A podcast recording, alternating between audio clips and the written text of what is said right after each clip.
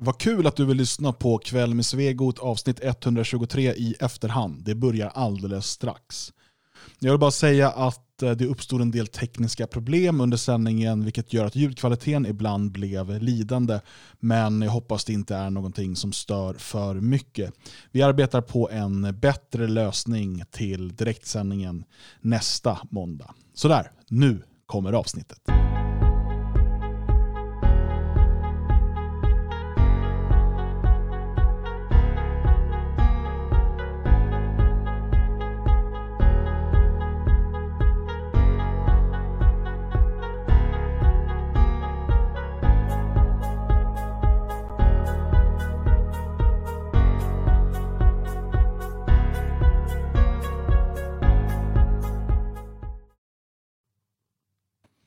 Ja, god afton och välkomna till Kväll med Svegot. En lite, eh, vi har haft lite teknikstrul här precis innan. Eh, det var någon som undrade. Eh, jag tänker så här, eh, Magnus och Björn, har ni startat er lokala inspelning? Det tror jag säkert vi har gjort. Eh, Björn brukar vara snabb på det där. Så att där rullar Det ser inte ut så på Björns panikslagna blick nämligen. Så jätte, jättefint. Alltså, här, här spelas det in för glatta livet. Uh, Ja, det. alltså vi hade så mycket tekniskt strul här innan så att jag hade till och med glömt lokal inspelning och att sända på radion. Men nu sänder vi på radion, vi sänder på D-Live eh, och på lite eh, mindre trevliga ställen som Twitter och, och, och Facebook och Twitch som fortfarande inte har hittat oss. Det är ingen som tittar på oss där, så det är därför vi inte blir utsparkade. Eh, men vi, vi sänder lite överallt nu. Och vi kan säga så här, att från och med nästa vecka så kommer de här måndagssändningarna sändas bara på radion och på D-Live. Alltså inte på Facebook, inte på Twitter och så vidare. Vi ska bort från de här plattformarna. Eh, D-Live är ingen optimal lösning, men det är ett bra mellansteg på vägen till att Library eller någon annan ehm, decentraliserad lösning skaffar eh, möjlighet för eh, direktsändningar. Och det är nämligen på gång. Ehm, så att ehm, så eh, ser det ut och jag hoppas att vi kommer ha någorlunda internetgudarna med oss under kvällen så att vi har med oss från Svenskarnas hus både Björn Björkqvist och Magnus Söderman för att Magnus, lite senare idag så ska du, eh, är det comeback för ett av de mest älskade inslagen i den digitalt sända radions historia. Men så är det. Så är det ju. Vi, eh, vi kommer ju köra på med eh, fantastisk fakta. Inte bara fantastisk, utan jag har hittat en- bra rubrik för det här. Va? Eh, helt säkert, mer eller mindre sann och fantastisk fakta. Eh, eftersom att jag har en sån här Thomas Tvivlare i form av Dan Eriksson som har gjort det till sin livsgärning att säga emot all fantastisk fakta som levereras. Mm. Ja, men det, det ska nog bli bra. Och, alltså, mitt internet är också inte helt optimalt. Och på onsdag ska jag få besök från, inte internetgudarna, men åtminstone min bredbandsleverantör som ska komma här och byta och jack och hålla på för de tror att de vet vad som ska vara problemet. En stor fördel med det är att jag kommer få eh, router och så vidare närmare där jag har mitt kontor. Just nu har jag en 50 meters LAN-kabel som jag drar genom hela hemmet när det är dags för sändning. Eh, och det kommer jag slippa då, utan jag kommer ha liksom internetuppkopplingen här uppe på kontoret. Eh, och det ser jag fram emot för att det, det här är inte, inte optimalt. Björn, hur optimalt är ditt liv just nu? Eh, jo då, det är alldeles förträffligt faktiskt. Jag har precis flyttat. eh, jag är färdig med min flytt nu här i, helgen. Tre i natt blev jag färdig. Eh, så nu är jag klar och kommer inte längre hålla på och flytta varenda helg utan ägna mig åt andra saker. Det är bra. Ja, ja men det är skönt att få det överstökat i alla fall. Det är inte, nu har du, gjorde ju du det till både passion och eh, levebröd under några år, det här att hålla på och flytta, fast för andra då. Eh, Men det är inte så kul att flytta. Eller det finns någon ren, renlighetskänsla, eller liksom man, så här, ja, men man, kan få, man får chans att kasta bort massa saker och sådär. Lite som vi pratade om i, i fredagstinget, i, sen nu fredags om heminredning. Men eh, det är också rätt träligt när allt ska plockas upp och eh, det är lätt att man, man skjuter på det där. Det blir ju inte kastat riktigt på samma sätt heller. Alltså det, det är ju, när man ska eh, kasta enligt lite konstens alla regler så ska man ju sitta och fundera över sakerna och sådär. Man ska ju inte bara, nej shit den här soffan får inte plats, den slänger vi. Utan eh, det det är olika, helt olika skolor. När vi flyttade eh, ner från Sverige till Tyskland nu, senaste gången, eh, så eh, var det ju lite så. Då hade vi ju ett visst antal kubikmeter på, på lastbilen. Eh, och det var en del saker som inte fick plats och de fick man ju ge bort till grannar eller försöka åka iväg till tippen med eller sådär. Men sånt är livet. Eh, hur har din helg varit Magnus Söderman? Den har eh, varit eh, ganska bra tror jag. Minns inte alls vad jag har gjort eh, med den.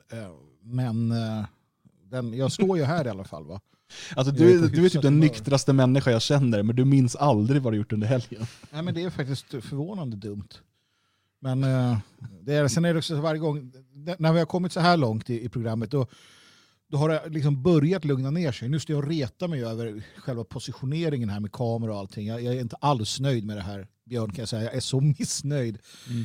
Eh, I musiken tror jag att vi vänder på det här jävla bordet eller någonting. Alltså, för det här är inte alls bra. Hur Va? då? Nej, det vet jag inte. Det får vi se då. Vi håller på med det mitt i musiken när det är dags. Jag gillar att det inte, alltså om ni tittar noga på, eh, ni tittar på videosändningen, på stativen till eh, mikrofonerna så är det ett hakkors som håller på att växa fram.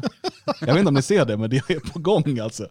Det är små, små justeringar som behövs för att det ska innebära fängelse den här sändningen. Ja, men det är det att vi försöker att göra det bästa av två världar.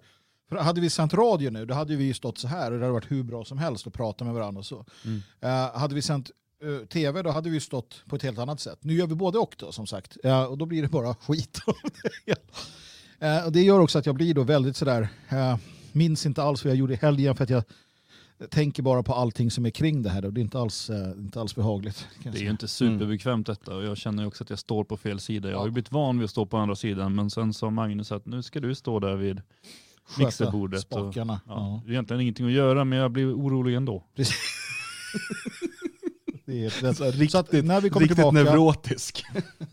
när vi kommer tillbaka efter musiken så kommer det vara en annan uppställning. Jag, jag lovar. Laguppställning. Ja, det är också, det kommer vara två snygga tjejer som står här.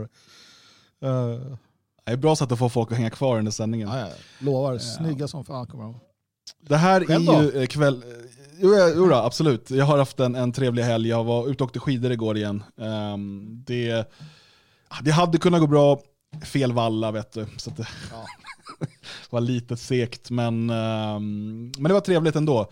Eh, jag och eh, sonen, eh, när vi kom på att vi hade fel valla så där efter mm, så 25 minuter kanske, så då var det snow racer istället eh, i backen. Men, Men hur noga är ni det- med vallat då? Alltså det finns ju... Oj, finns alltså, ju jag kan ingenting om det där, utan min, min svärfar var med. Och eh, han vallade och sa att nu är det minus ett, så då ska vi ha det här. Eh, och sen när vi kom fram så var han, och började köra och sa ah, fan nu har vi vallat fel, det, det snöar jättemycket och det är nysnö och då behöver man det här. Och för mig kändes det bara som att jag typ bromsade hela tiden. Ehm, Så att det var felvallat, eh, det, tror jag. men- Eller så är jag bara usel. För när jag var liten då fanns det typ tre sorter. Liksom. Det var det man hade. Så här. Nu, nu väljer vi på de här tre och det var för plus, minus och noll. Ja. Men Mm. nu när man kollar på tv så fattar man att de håller ju på, alltså det, det där är ju sinnessjukt vad de håller på med. Det är ju, det är ju inte skidåkning huvudsakligen de som tävlar i det här utan det är ju valla, alltså kemitävlingar. Mm. Eh, Sinnessjukt är det. Fruktansvärt. Jag tar avstånd. Jag försöker se om det finns någon koppling till walla, alltså det här arabiska ordet. Walla, jalla, walla, walla brorsan. Nej, det gör det inte. Nej, nej men det, det gör inte det. Slut, sluta leta. Sluta leta. Ja, Ja, jag ja. får nog leta mer bakåt i vår historia. Kan, men kan man, kan man, Satt i lokaler och Kan- i, i Va- Valhalla. Och, nej, nej, nej, nej. Men kan man åka längd på sandiner? Det undrar jag. Eh, ja, varför inte? Det är bara Om man har rätt. Walla! jag fick jag den. Ja. Jag fick till den. Det är roligt för att min, min sexåriga son har, han har typ förstått sin första roliga historia nu. Ja, Eh, vad bra. När vi brukar läsa Kalanka och sånt, då finns det ju ja, roliga historiesida. Och sånt där. Mm. Och då, eh, han fattar aldrig skämten. Jag liksom märker ju det. Mm. Ibland skrattar han fast han inte fattar. Nu har han fattat ett skämt och han går och säger det hela tiden. Han är så glad över att han har fattat det. är det en ordvits eller vad är det för typ av skämt? Vad kallar man en kamel med tre pucklar? Eh, missbildad. Gravid. Och det, det tycker han är så roligt. det var roligt. Det, är så. Fan, det här är ju Kväll med Svegot, eh, vårt lilla mysprogram på måndagkvällar där vi samlar eh, lyssnare och tittare och eh, kör ungefär två timmar. Vi snackar om viktiga saker men på ett ganska avslappnat sätt för det mesta. Eh, men Radio Svegot har ju så mycket mer. Vi har ju morgonradio som har en hel del nyheter och annat som sänds mellan 8 och 10, tisdag, onsdag, torsdag. På tisdagskvällar så sänds vårt filosofiprogram på gamla och nya stigar med eh, Jalle Horn och vänner. På onsdagskvällar så är det veckans hädelser som brukar gå hårt åt ett ämne i taget. Förra onsdagen handlade det om anarkotyranni. Torsdagskvällar så sänds eh, sportprogrammet Passningen. Det är Sveriges enda politiskt inkorrekta sportpodd. Och på fredagar så kommer ju då Fredagstinget där tre personer väljer ett varsitt ämne och sen levererar en dom. Än så länge har de tre personerna varit vi tre, men det kan komma att ändras i framtiden. Vem vet? Ehm, vi kommer också här i veckan eh, presentera ett nytt program som kommer ut på söndagar. Men det berättar vi mer om i veckan. Det gäller att hålla koll på svegot.se. Ja, eh, ikväll så har vi eh, flera större ämnen att prata om. Eh, vi ska prata om Joe Bidens första vecka. Det har hänt väldigt mycket. Många är besvikna.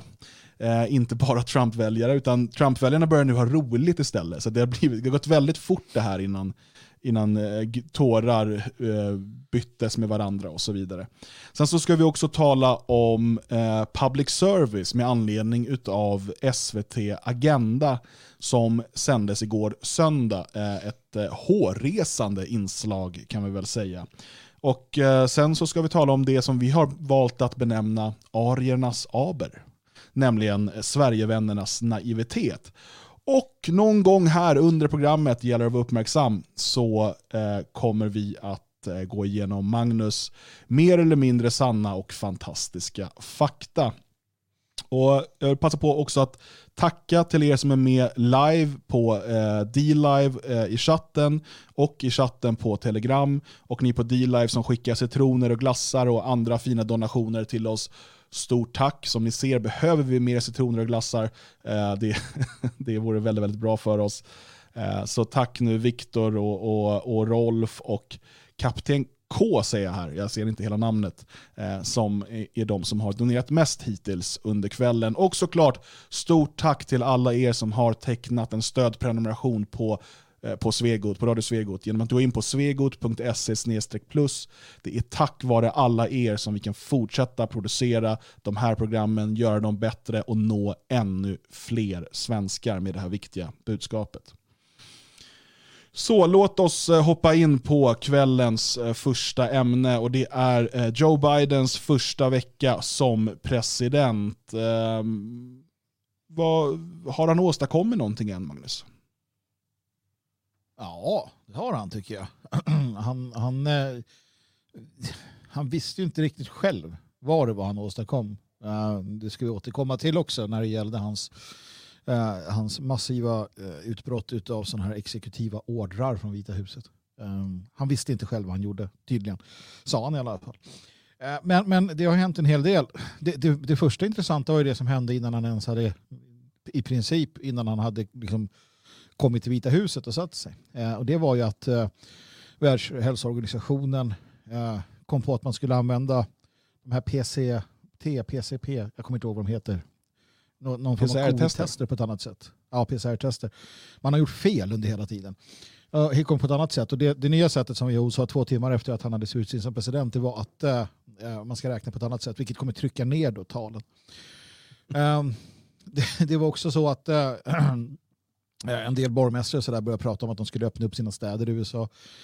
Um, mycket, mycket sånt där som, som, som hände liksom, uh, ovanligt snabbt och så. Men det var lite som vi hade sagt hela tiden så det hade man ju väntat, väntat sig någonstans även om jag tyckte att det blev eh, det blev så liksom löjligt uppenbart. Eh, vidare har man ju lyckats, det tog inte så lång tid heller innan man började med trupptransporter i Syrien.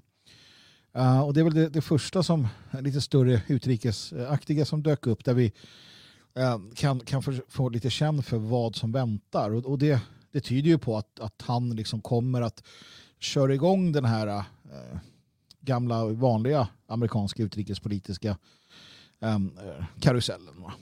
Så att, eh, Mm. det var ju en sak som dök upp. Och det där det, det pratas lite olika beroende på vem man, vem man pratar med om. Det vissa säger att ja, men det har gått eh, konvojer från, från, Syrien, eller från Irak till Syrien under hela tiden och sådär. Att det här är ingen, ingen större grej. Men andra menar på att det, det definitivt är ett tecken på att det är någonting som, som kommer hända där.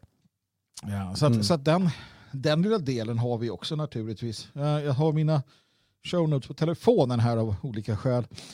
Eh, Ja, nej, men det, det, det är ju och det är ju flera sådana här saker som sker direkt i anslutning med att han, han blir president. och det, Han vill ju, och det har han ju sagt, han ska göra egentligen Trumps år ogjorda. Eh, och det är därför som han då eh, ska stoppa bygget av muren. Vilket blir intressant för att eh, den amerikanska staten, den federala staten, har ju skrivit kontrakt med ett antal entreprenörer som ska bygga den här muren som i- sin tur har gjort stora investeringar. Så att vi har, lär ha rättsfall av Guds nåde att vänta från de här företagen. Som eh, Joe Biden nu försöker tvinga i konkurs. Många av dem ligger alltså ute med, eh, med stora summor för material och annat. Eh, och det, det här håller på att segla upp till en riktig eh, problematik. Och då är ju frågan, ska Biden betala hela kostnaden för muren men inte få någon mur? Det- Alltså det skulle inte förvåna en, för att eh, de gör ju så mycket konstigheter de här människorna. Jag tycker att, att, eh, att det är tydligt eh, just att, att, att det handlar om sådana här principer som får kosta lite vad det kosta vill. Eh, vi har ju den här Keystone eh, Pipeline XL. Ehm, det finns en redan som ska skicka olja och naturgas över och kring USA men också en, en förlängning då som ska gå ut upp till, till Kanada. Massor med jobb, tusentals jobb. Men, och, och den var liksom på gång, alltså Barack Obama stoppade den. Sen sattes den igång Eh, och nu stoppas den igen. Det innebär ju att alltså, så lång tid som det här håller på, den tidsspannen, och de enorma summorna som, som man bara leker med. Eh, och det kan man ju säga då att ja, men Trump han satte igång den fast den var stoppad. Då. Och sen, sätter, sen stänger Joe Biden av den um, och, och sätter människor på bar backe. Eh, och, ah, de gör, och, och det är här egentligen själva, själva liksom det löjliga med att du har ett val vart fjärde år. Med så Mm. enorma allvarliga... Alltså det kommer aldrig bli någon jävla pipeline. Och den kommer inte heller inte byggas. Den kommer vare sig byggas... Det är som Schrödingers pipeline. Den är både byggd och inte byggd på samma gång. Och så här kommer de hålla på för evigt i den mån att någon annan skulle få makten. Och för att, som du sa, han går in i presidentskapet med att jag ska riva upp allting som Trump har gjort. Ska jag riva upp och göra hans fyra år ogjorda. Jaha ja. Eh, Jo men i, i det fallet så fungerar det. Alltså, där kommer det ju hålla på fram och tillbaka, fram och tillbaka. Det är ju värre med en del andra beslut som han nu kommer med. Att, eh, de här, jag lärde mig ett nytt ord här nyligen då, dreamers. Eh, människor som befinner sig i USA, eh, födda här men inte, har- där, där man inte har medborgarskap utan eh, är barn till illegala invandrare, att alla de ska få stanna. Eh, det handlar om någon miljon människor. Mm. Eh, och det, det är mängder av sådana här olika beslut han direkt har fattat redan första dagen. Att mängder av främlingar ska få lov att både komma och stanna. Det är svårare att vrida tillbaka i en handvändning. Alltså eh, att eh, stoppa och sätta igång byggen av olika slag. Det må vara illa och det må vara bortkastade pengar, men här handlar vi om en hel befolkning som man bygger om. Mm. Och som inte kan byggas tillbaka hur lätt som helst. Nej men visst. Och, och om vi tittar på en annan sån där sak, det är ju det här som han nu eh, gick in och eh, helt och hållet eh, förstörde tjejidrotten. Så vitt jag Mm. förstod det. Um, för Ja, genom att tillåta, eh, vad, säger, vad heter det? Men, Just det, män med tuttar. Män med tuttar, Män med Får, bi, tuttar. får delta. Mm, ja, alltså inte tjocka män med tjockistuttar utan De får också delta. Ja, precis. Får de det? Ja, men det var nästan så. För att och tittar du i texten så står det att alla ska få vara vad de vill och alla ska få Ja. göra, vara med i tjejidrott.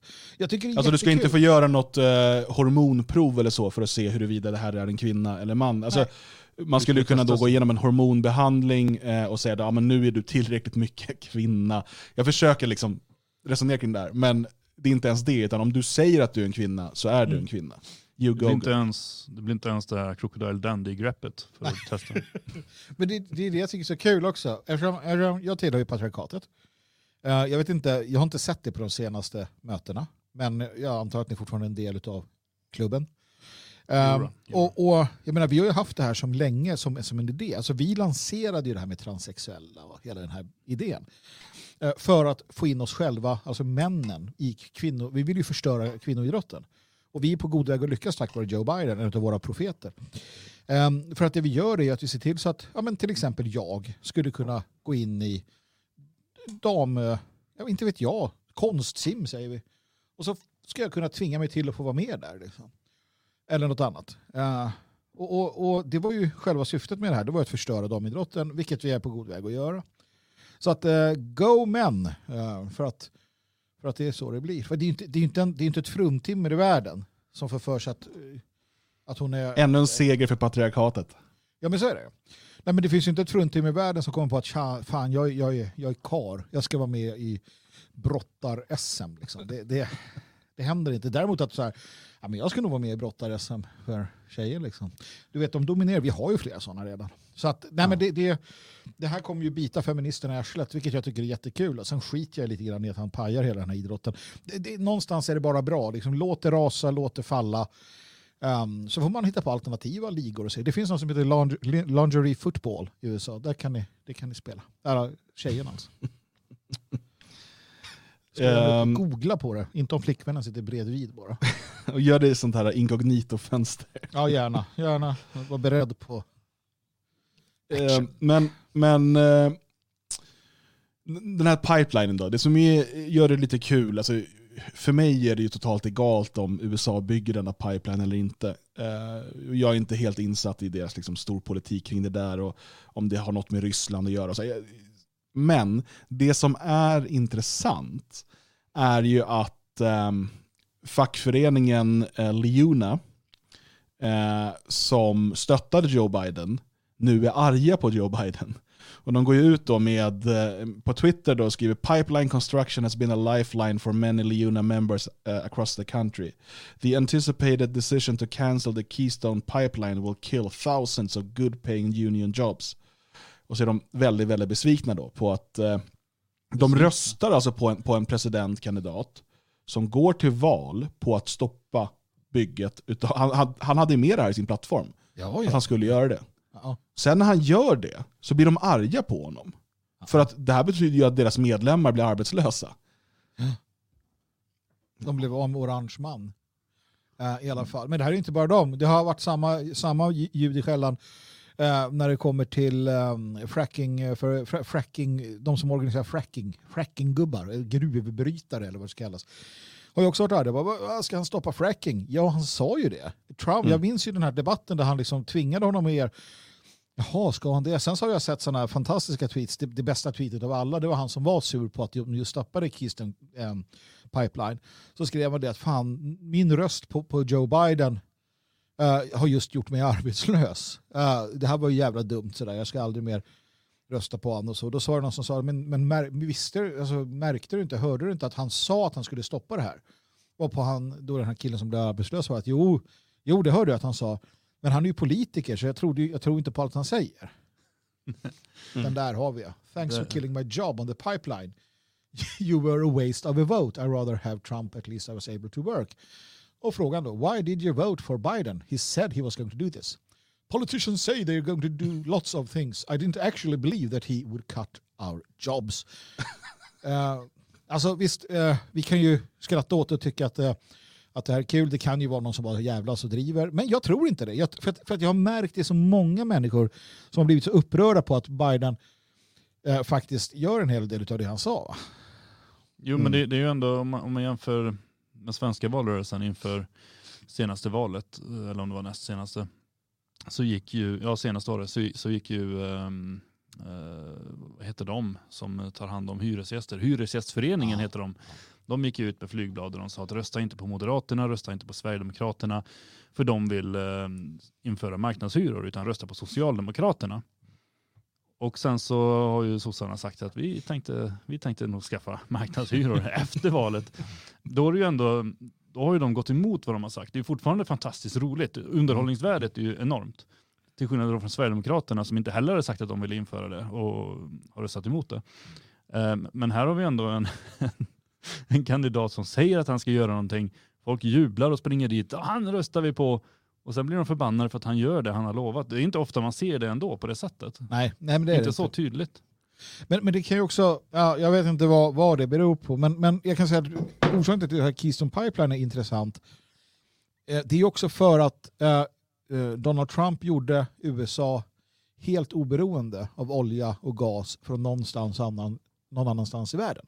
Mm. USA var alltså e självförsörjande av, av, av detta.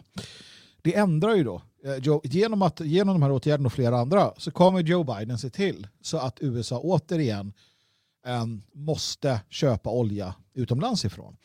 Eh, och gas. Ryssland kanske, inte vet jag hur Kina har några gastankar de skickar iväg.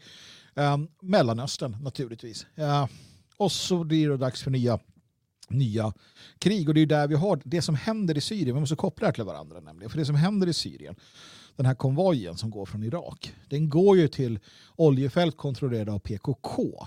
Um, så Mm. att i det fallet är det de då USA Ja, de köpte ut av Isis förut och gjorde i Turkiet Plus också. att du har eh, en, en stor anledning till att USA understödjer islamistiska terrorgrupper, eller gjorde det fram till Trump. Trump gjorde det till viss del också, men han drog tillbaka det bit för bit. Eh, mot eh, Bashar al-Assad och mot Ryssland är ju för att man vill kunna dra eh, en gasledning genom Syrien upp till Europa. Eh, för att på så sätt få bort eh, Rysslands möjlighet att... Idag är det mycket av den gas som köps i Europa kommer ju från Ryssland. Och vid den här Nord, Nord Stream heter den va?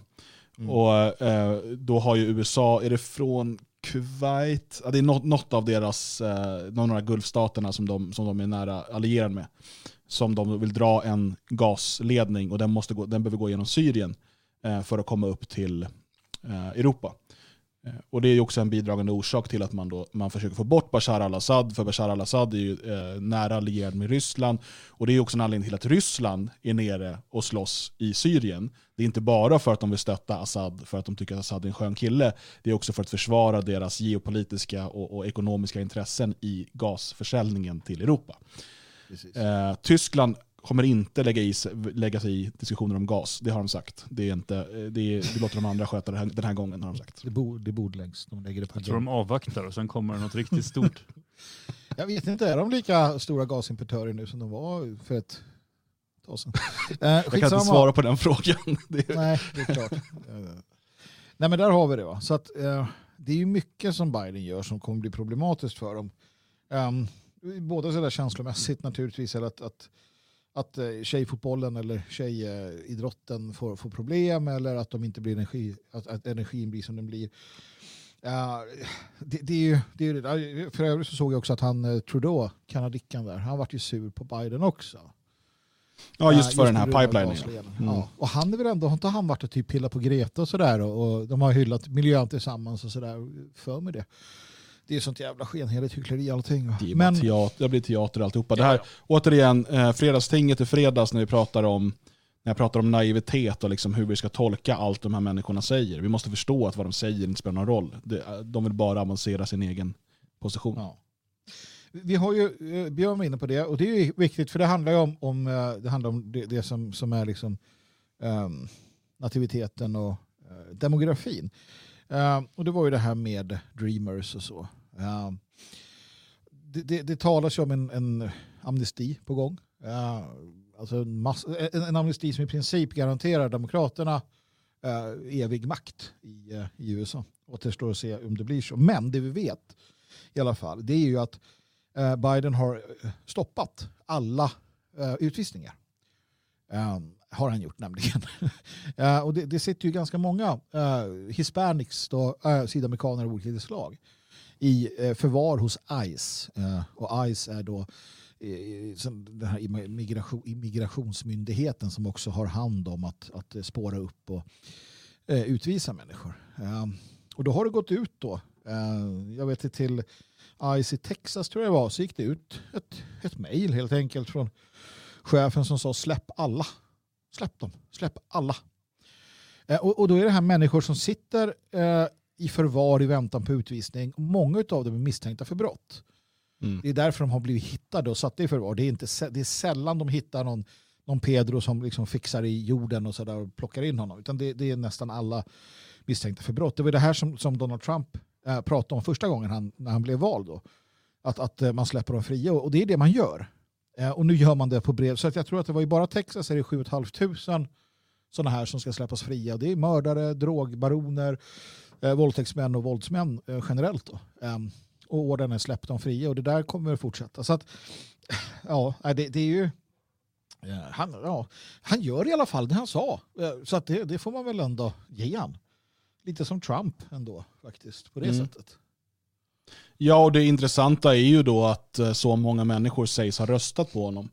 Och eh, Det är ju intressant för att om vi utgår ifrån att det inte var jättestort valfusk, alltså bara för diskussionens skull nu. Jag vill Ja. inte, ja det var valfusk, okej, ja, ja. var valfusk då, vad fan.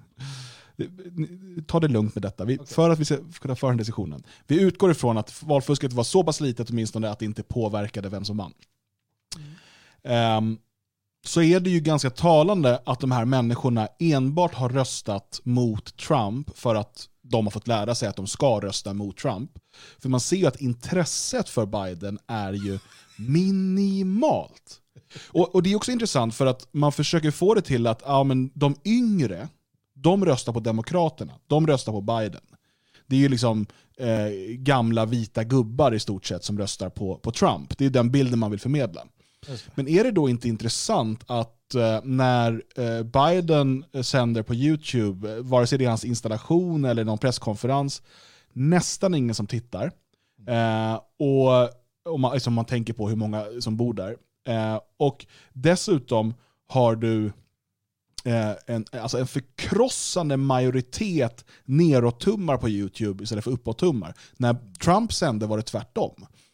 Och Det här hade varit rimligt om det var så här, ja men Trumps väljare det är unga killar som sitter på nätet. Medan Bidens väljare är liksom gamla pensionärer som inte använder YouTube. Men de säger att det är tvärtom. Men allting, alltså det finns ju ingenting som tyder på att det de säger stämmer. Om det inte bara är så att människor, som sagt vi utgår nu ifrån att valfusket inte var omfattande, de har gått och röstat på Biden de, utan att liksom bry sig om Biden det minsta. Enbart för att de under fyra plus år har matats från liksom skola, media, eh, kulturetablissemang och så vidare om att Trump är den nya Hitler, Hitler är dålig, låt inte Hitler vinna igen. Mm. Det, det är ju liksom Jag tror den... det är så. så.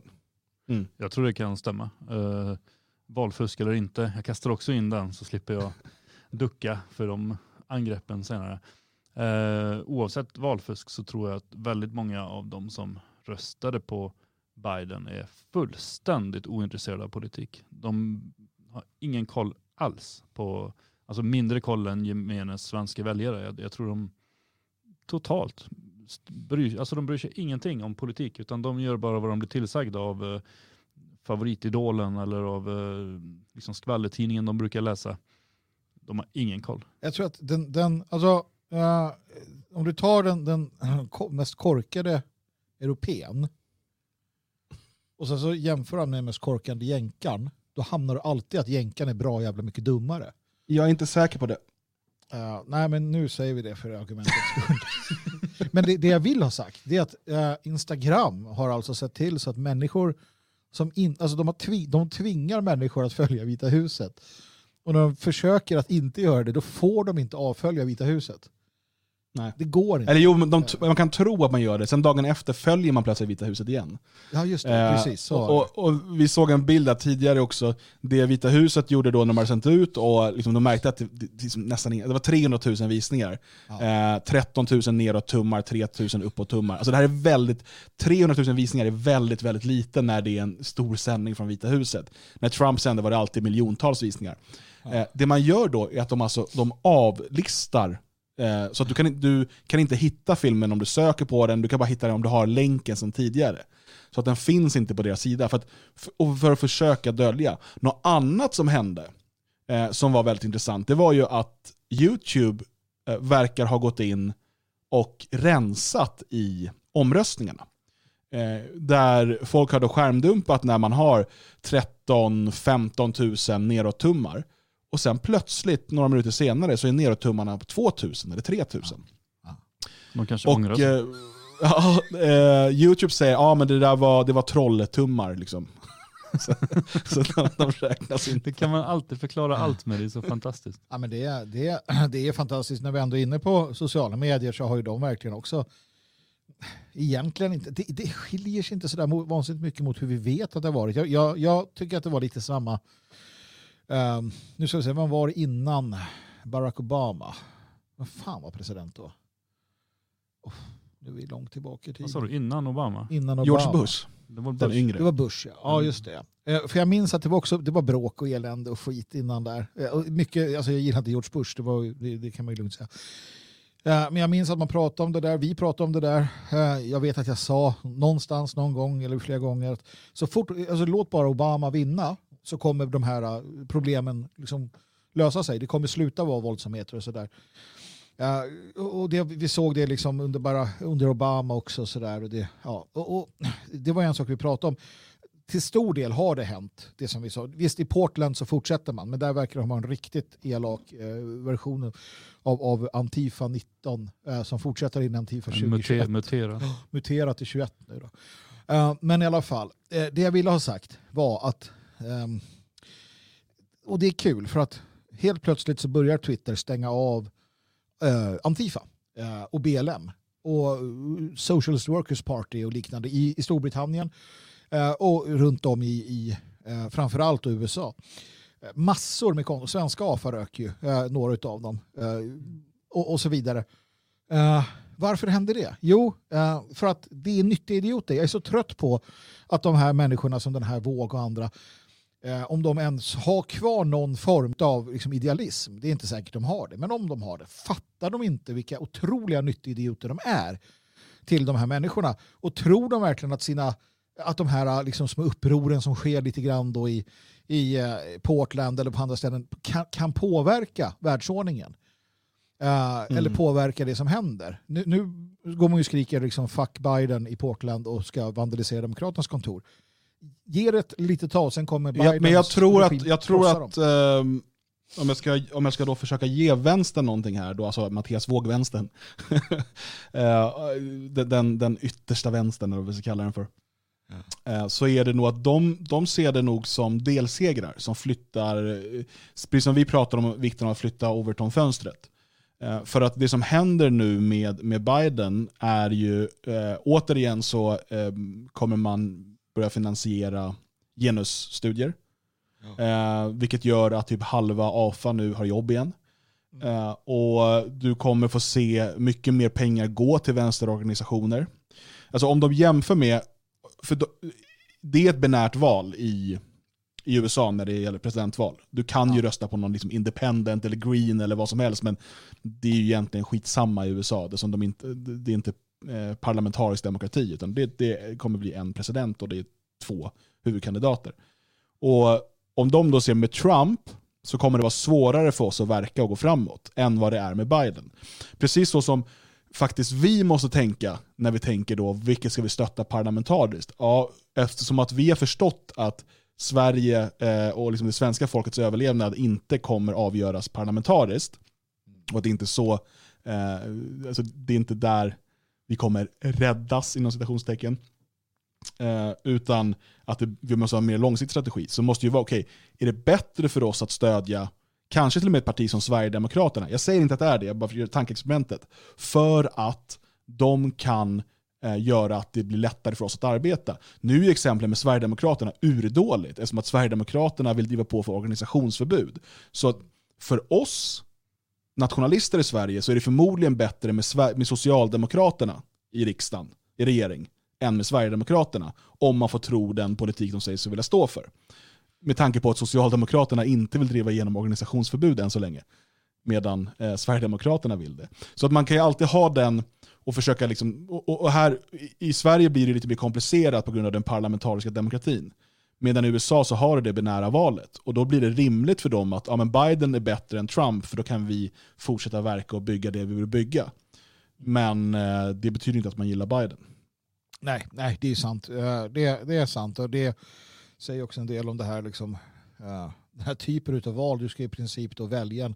Och det är det jag tänker när, när man pratar om att man vill avskaffa monarkin i Sverige. Man vill hellre ha en president. För det är bättre. Det, det, det, det, det enar och det, presidenten har den rollen och sådär. Nej, det har den ju inte. Det ser vi ju definitivt här.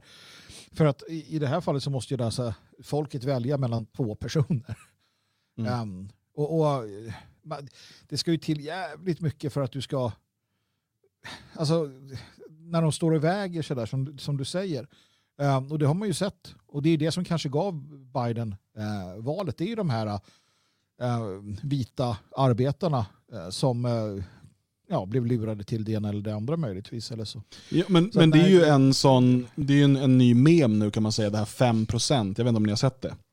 Ehm, Nej, som, man använder då när, när det bestämmer varför vann Biden. Ja, 5%. Men vad menar ni? Jo, för att eh, Trump tappade procentuellt 5% av de vita männens röster. Ja. Förmodligen, och då är det så här, var det för att han svek den vita arbetarklassen? Var det för att han svek den vita rasen genom att eh, fokusera mer på hur det ska bli bättre för svarta och hispanics och så vidare för att han ska vara hela landets president? Eller var det bara för att de lockades mer av en mer socialistisk framtoning utav Biden? Det vet jag inte, men de här fem procenten, de verkar ha varit avgörande. Att eh, absolut, Trump fick fler röster än vad han fick i förra valet. Men procentuellt, enligt dessa exit polls, ehm, så fick han ju färre röster av vita män än vad han fick 2016.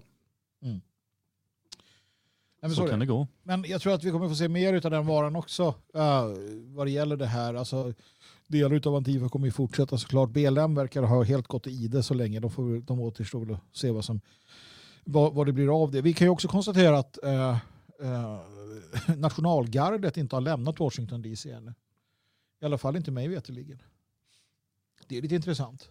Ja. Att de huserar i något garage där. Ja, Ja, men man, man vet i alla fall, jag ska se om vår ehm, producent kan få fram ett filmklipp här. Man vet ju nämligen att ehm, Biden åtminstone hedrar dessa eh, Marines och sådär som är på plats. Eh, det. och det är viktigt. Det är ju viktigt i USA det här att visa att man, att man stödjer trupperna och sådär.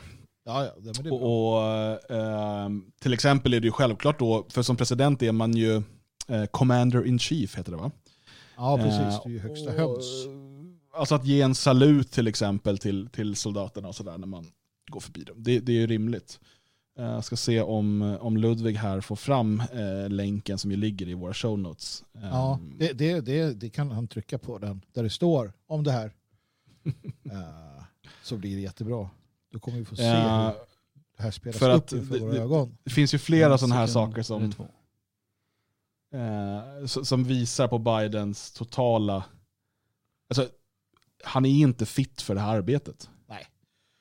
Nej, ju det, det är han ju faktiskt inte. Ja. Vi, vi, eh, vi väntar ju fortfarande på, på filmen här då.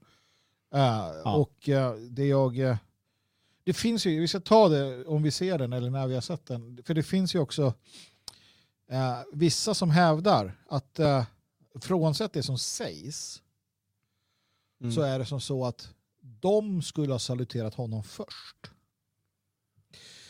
Eh, men, jag vill bara ta det här diskussion, för det har varit en sån diskussion. Men det jag vet är ju också att eh, eh, president Trump, alltså när, han, när de går in i Air Force, alltså helikoptern, eh, Air Force, vad fan den heter då? Hel helikopter Air Force jag vet 1, inte. Air Force 2, jag vet inte. Ja, Air Force One är ju det stora planet. Mm. Nu kommer det någonting här. Ja men här kan vi se då när, när Biden, och han har ju hörsnäcka som alltid då.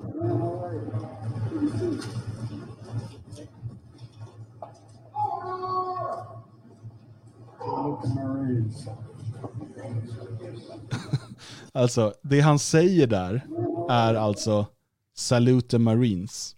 Ja. Med största sannolikhet så är det ju någon som säger hans hörsnäcka Salute the Marines. Alltså nu måste du göra det liksom. Men han är så van att bara upprepa det han blir tillsagd att säga. Han går förbi dem och bara Salute the Marines. Ja, det, det, är- det är ju faktiskt, alltså det är sorgligt att se det här. Man kan tycka man vill om Joe Biden, va? men det, det är ju nästan lite, alltså det är nästan lite, ja, jag vet inte, hålla på med, nej, det, det är morbid på något sätt. Va? Men jag ville bara eh, för- förklara det. Eh, Det fanns ju då, jag såg en diskussion kring det här huruvida han skulle eller inte skulle. Eh, För att enligt någon kutym då så ska, ehm, ska soldaterna hälsa befälet först och sen hälsar han. Men jag har ju då observerat när Trump till exempel eller andra går in i, i Air Force 2, säger vi att den heter, Air Force-helikoptern. Eh, Då står det ju vakter. Eh, eller en sån där högervakt. Och då är det ju presidenten som hälsar. Den andra tror jag knappt hälsar tillbaka för han har det i sin bössa. Eh, Så mig veterligen då är det, det jag kunnat se så ska alltså, så är det presidenten som hälsar dem så här, tjena tjena. Eh, Ja, och och sen, det- men uttaget att han säger salute the marines. Precis, eh, precis. Och det, det tyder ju på, på Det är ju någonting. ändå en liten hyllning, det får man ju säga. Salute the Marines. Ja, för det, det varit en vidare diskussion nämligen kring, eh, ni har säkert sett klippet när, när de åker genom Washington DC och i princip hälften av, av, av de utkommenderade soldaterna har ryggen mot eh, Biden medan eh, Mm. andra hälften tittar på honom. Och det har också varit stora diskussioner kring sådana eh, såna som kan det här med militärer och, och så huruvida de eh, hade det för att hålla koll eller om det var överdrivet många eller vad det kan ha varit. Jag, jag tror nog att det var mest för, för vi vet ju att de hade ju vettat alla utav de där så det var ju lojala eh, anhängare som nu bor i ett garage i Kapitolium. De blev utkörda. Nej, men jag, jag tror också att det, var, det handlar om att de, det var en strategi på något sätt för att eh, kolla, några kolla framåt och några bakåt. Så att säga. Att det Ja. var, det var, man ska inte läsa in för mycket i det. Men det är ju roligare att tänka sig att de vänder ryggen mot honom. Eh, men visst. ehm, det verkar inte Det är vara rimligt. ganska rimligt att de tittar åt alla håll kan man Jo, tycka. jo, precis. Ja. jag tror inte det heller varit något mer av den diskussionen. Men det vi, det vi vet är ju, nu, nu minns jag inte igen om det var Miami eller Kalifornien eller någon, vars guvernör då eh, har, har, ska väl till att kommendera hem sina eh, trupper nu. För att eh, han var ju mäkta upprörd över detta att de, att de kastades ut ur Kapitolium och ner i ett garage där det fanns en toalett eh, och, och typ ingen värme. Ja, och, och, ja, det, det, det är där de är. Ja, Mm. det- Det är jättekonstigt vad... vad men, men det är verkligen den här alltså Ceausescu, eh, det här översitteriet, den här typen av liksom... Jag, vet, jag minns när, när ehm, vad hette han då, utav de här bankgubbarna? Någon Rothschild eller någon Rockefeller som sa att liksom, äh, soldater det är, det är brickor i mitt spel. Eh, De Mm. kan gå åt hur som helst. Här finns det en, en, en, ett citat med. De, de, de ser ju så här på de människorna.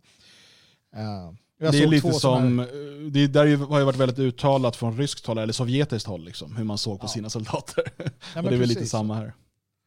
Nej, och jag såg någon bild när, ja, om det var Kamala Harris eller någon som springer med pizzor och ger i Kapitolium. Liksom när de satt där på golvet och så här stora leenden och gav en pizza här och där. Och tyvärr så funkar det på de där eh, demokraturens kreatur väldigt mycket. Så här, Åh, jag fick en pizza. Jo, men du fick en pizza liksom. Kom igen nu, vad fan. Men, men. eh, Vi, vi har ett är till klipp eh, som också är intressant, där man, kan, där man får höra eh, Biden. Eh, vi, vi tittar på det här.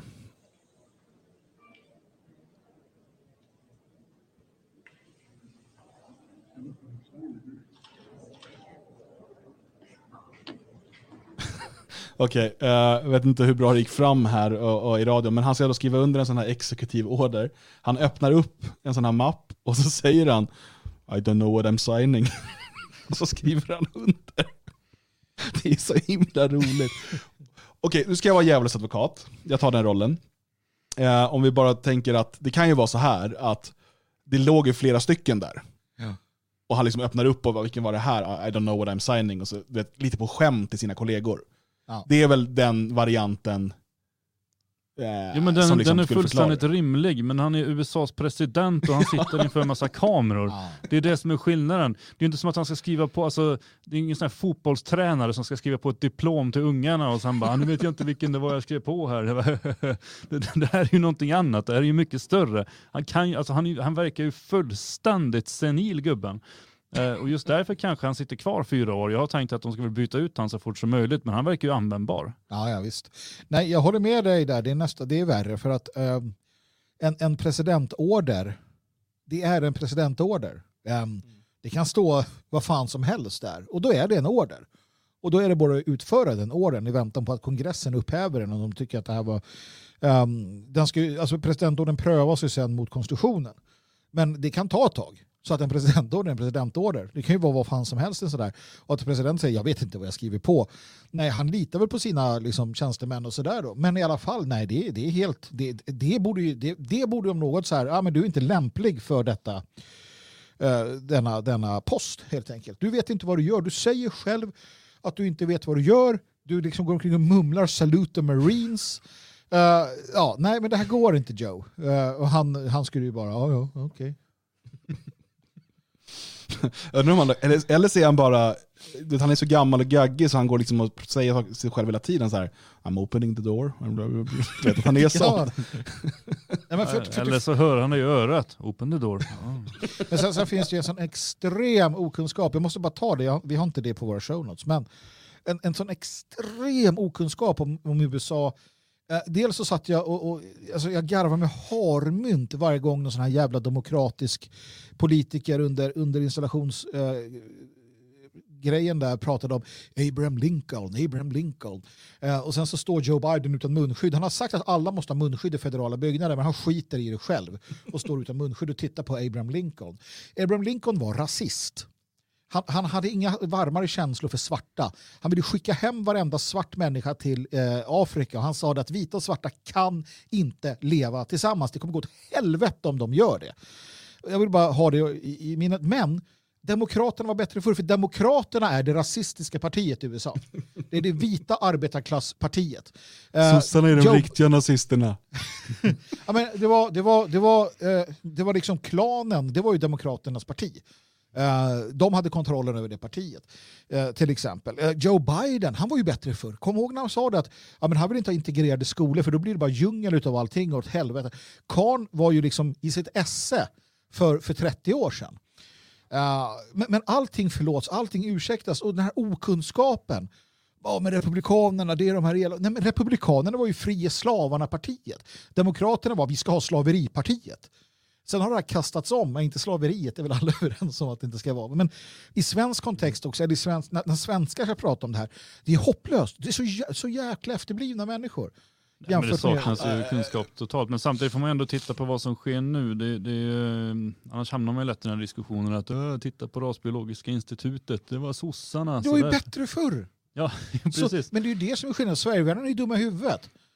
De, de fattar ju inte att sossarna var bättre förr.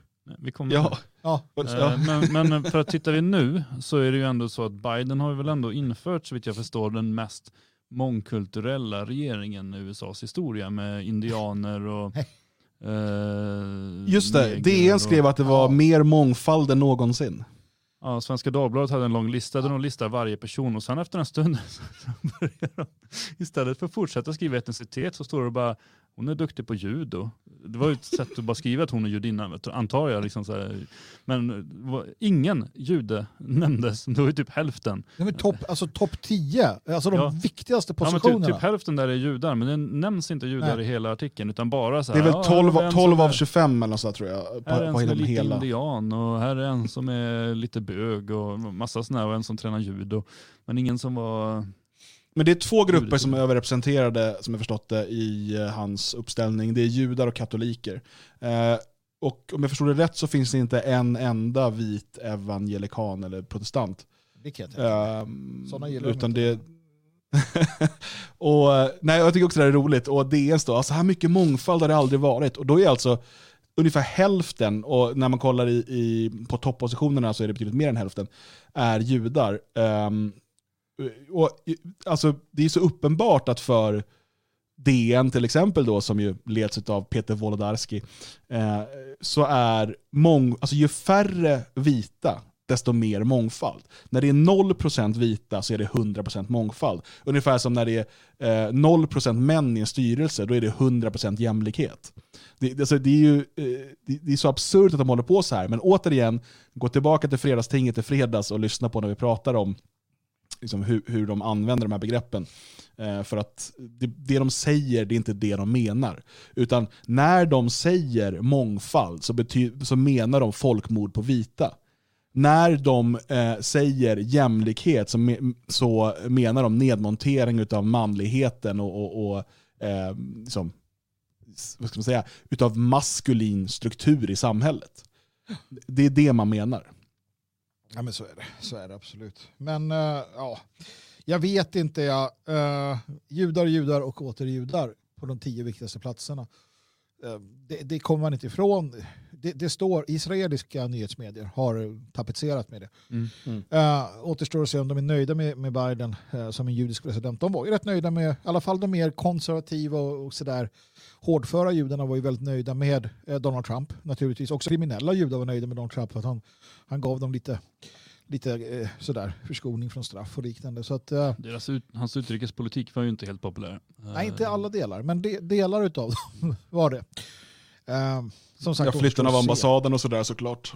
Men det finns ju även bland judarna och alltså även i Israel finns det ju såklart olika uh, fraktioner. Och liksom, ja, ja. det är inte så att alla judar tycker likadant eller alla israeler tycker likadant. Och, ehm, till exempel är det inte så konstigt, alltså George Soros som vi ofta brukar liksom nämna till de här sammanhangen, att han var motståndare till Trump, han är ju också motståndare till Benjamin Netanyahu och till och Viktor Orban och Benjamin Netanyahu är goda vänner det, det, är inte riktigt så liksom, enkelt som, som man kanske eh, vill göra gällande för sig. Utan eh, nu är det ju snarare så att de, de progressiva eh, liksom vänsterjudarna eh, har fått sin president. Förra gången var det de Precis. konservativa och, och, högerjudarna. Vi ska komma ihåg att Joe Biden är väl medveten om detta. Uh, det finns ett klipp, han blev ju anklagad för antisemitism, Joe Biden. Mm -hmm. Då han talade till judar. Visst var det Just Joe Biden? Ja. Mm. Och Joe Biden Som tackade dem för allt de hade gjort. Precis, mm. jag vill tacka er, tacka er alla er Just judar. Det. Ni gav oss homosexuella. Ja, eller ja, lag, lagstiftningen. Ni, ni gjorde aborterna, det var ni som såg till att mörda barn i, i, i fosterlivet. Tack så mycket. Och han bara fortsatte räkna upp tills det var så jobbigt. Alla judarna på Apex satt och bara håll käften. jag har glömt att det var han. Ja, och då, då blev han ju sen utskälld. Bara, ja, men det var liksom antisemitiskt av Joe Biden. Han bara what? Answer the phone, hello.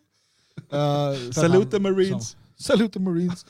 Uh, men det är ju för, för, förlåtet nu naturligtvis. Men så var det ju. Han blev anklagad för antisemitism för att han tackade judarna för att de hade fullständigt omformat samhället i en, i en liksom vänsterliberal eh, riktning. Och nu får vi ännu mer vänsterliberala judar och judinnor vid eh, maktens eh, korridorer. Under Trump var det mer ja, andra typer av människor inte nödvändigtvis så jävla trevliga de heller. Sen är det kul också det här med att man har valt en judisk eh, transa som hälsominister. Eh, och eh, jag såg en rolig mem kring det här, alltså det här för de tjatar ju alltid om att man måste, det är vetenskap som gäller. Tro på vetenskapen, trust the science, och när det är klimatet och så här. Ah, det är så, ah. Trust the science, accept this chromosome thing. det, det är liksom där de är. Nej, det, är och det, det, det, är så passande bara. Verkligen. Nej, jag vet inte vad man ska säga. Men eh, det är i alla fall de första, eh, den första veckan med Joe Biden. Um, hänt mycket helt enkelt. Så är det. Ja, man kan inte uh, hålla den här farten sen, får vi hoppas. Nej. Nej, vi kan inte lägga en timme i veckan på att prata om Joe Biden, det orkar jag inte. Utan nu får han lugna ner sig, lille Joe. Så får ja, vi, faktiskt. Så vi kan det, prata om annat. Det, det blir lite för mycket Grandpa Simpson över det hela faktiskt. Eh, efter musikpausen så ska vi prata om eh, public service. Vi ska titta på ett litet eh, inslag från Agenda igår. Och jag kan ju avslöja redan nu att vi vill lägga ner public service, vilket också dagens musikval kommer avslöja. Och så ska vi prata om ariernas aber, Sverigevännernas naivitet och så kommer Magnus mer eller mindre sanna, intressanta och fantastiska fakta. Oklar titel på detta just nu känner jag. Eh, I pausen så kan du ju passa på att gå in på butik.detfriasverige.se köpa dig en sån här tröja som jag har på mig till exempel. Eh, en sån här kaffemugg. Eh, det finns en massa annat eh, fint och gött eh, där inne. Butik.detfriasverige.se Senaste numret av Nationalisten finns där också. Nu börjar ommöbleringen här ser jag i, i Svenskarnas hus. Vi får se hur det ser ut efter pausen. Nu kör vi Rauptir.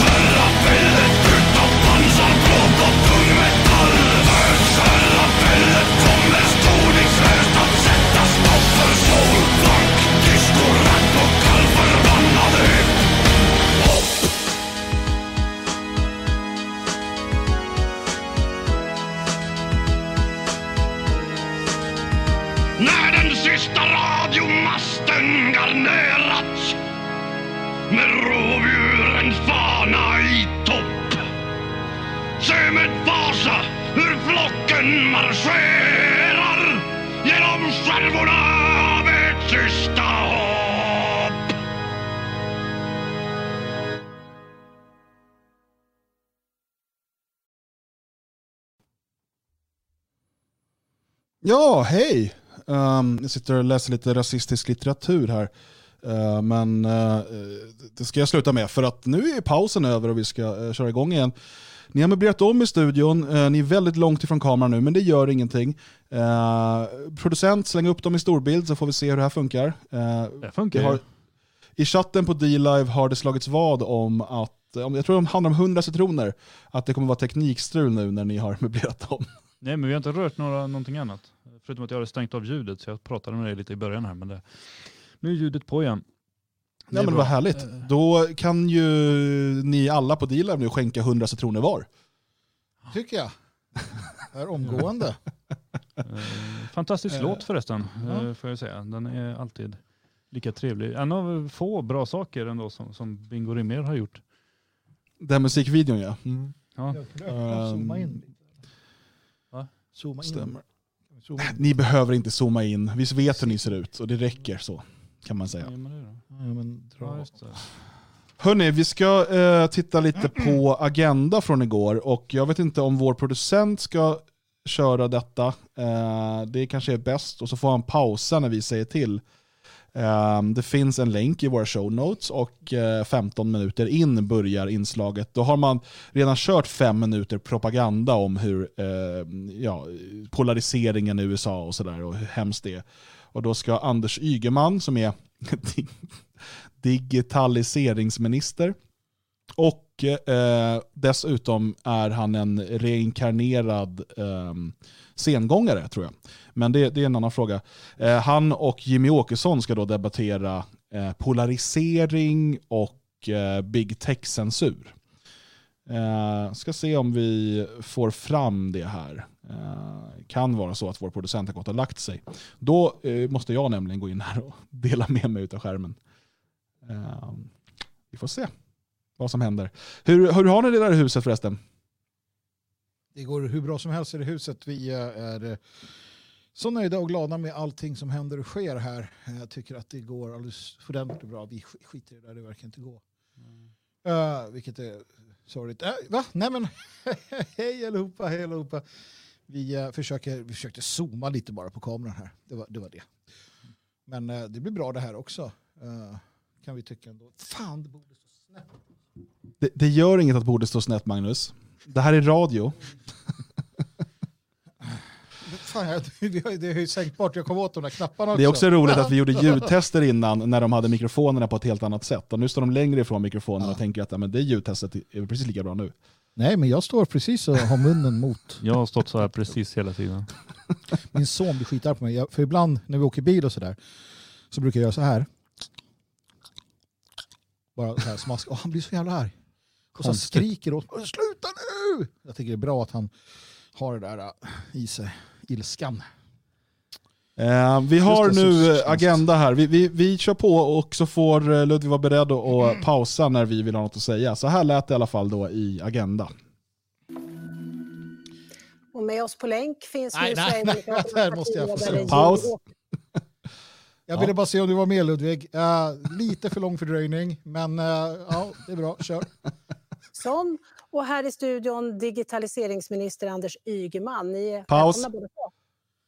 Eh, var det inte han som fick eh, sparken, eller blev entledigad för att han hade varit väldigt dålig med it-säkerhet så att typ Vägverkets register hade kunnat hamna typ i främmande makts händer och sånt. Jo, det var Och precis då det. tänker man, han var dålig på it-säkerhet, vi gör honom till digitaliseringsminister. Mm. Ja, det är Jag tänker också att, äh, är det någon sån här digitalisering? Vad, vad gör en sån? Vad, alltså, vad är hans jobb? Men han, det, det är ju ett fint ord för att han håller på och scannar in eh, arkivet på riksdagen. Han sitter och scannar. Sjuk jävel. Ja, kör. Scanningsminister. Tack så mycket. Ja, Varsågod. Stefan Löfven han sa ju i riksdagen att det finns krafter i Sverige som vill undergräva demokratin. Vilka tänker han på då?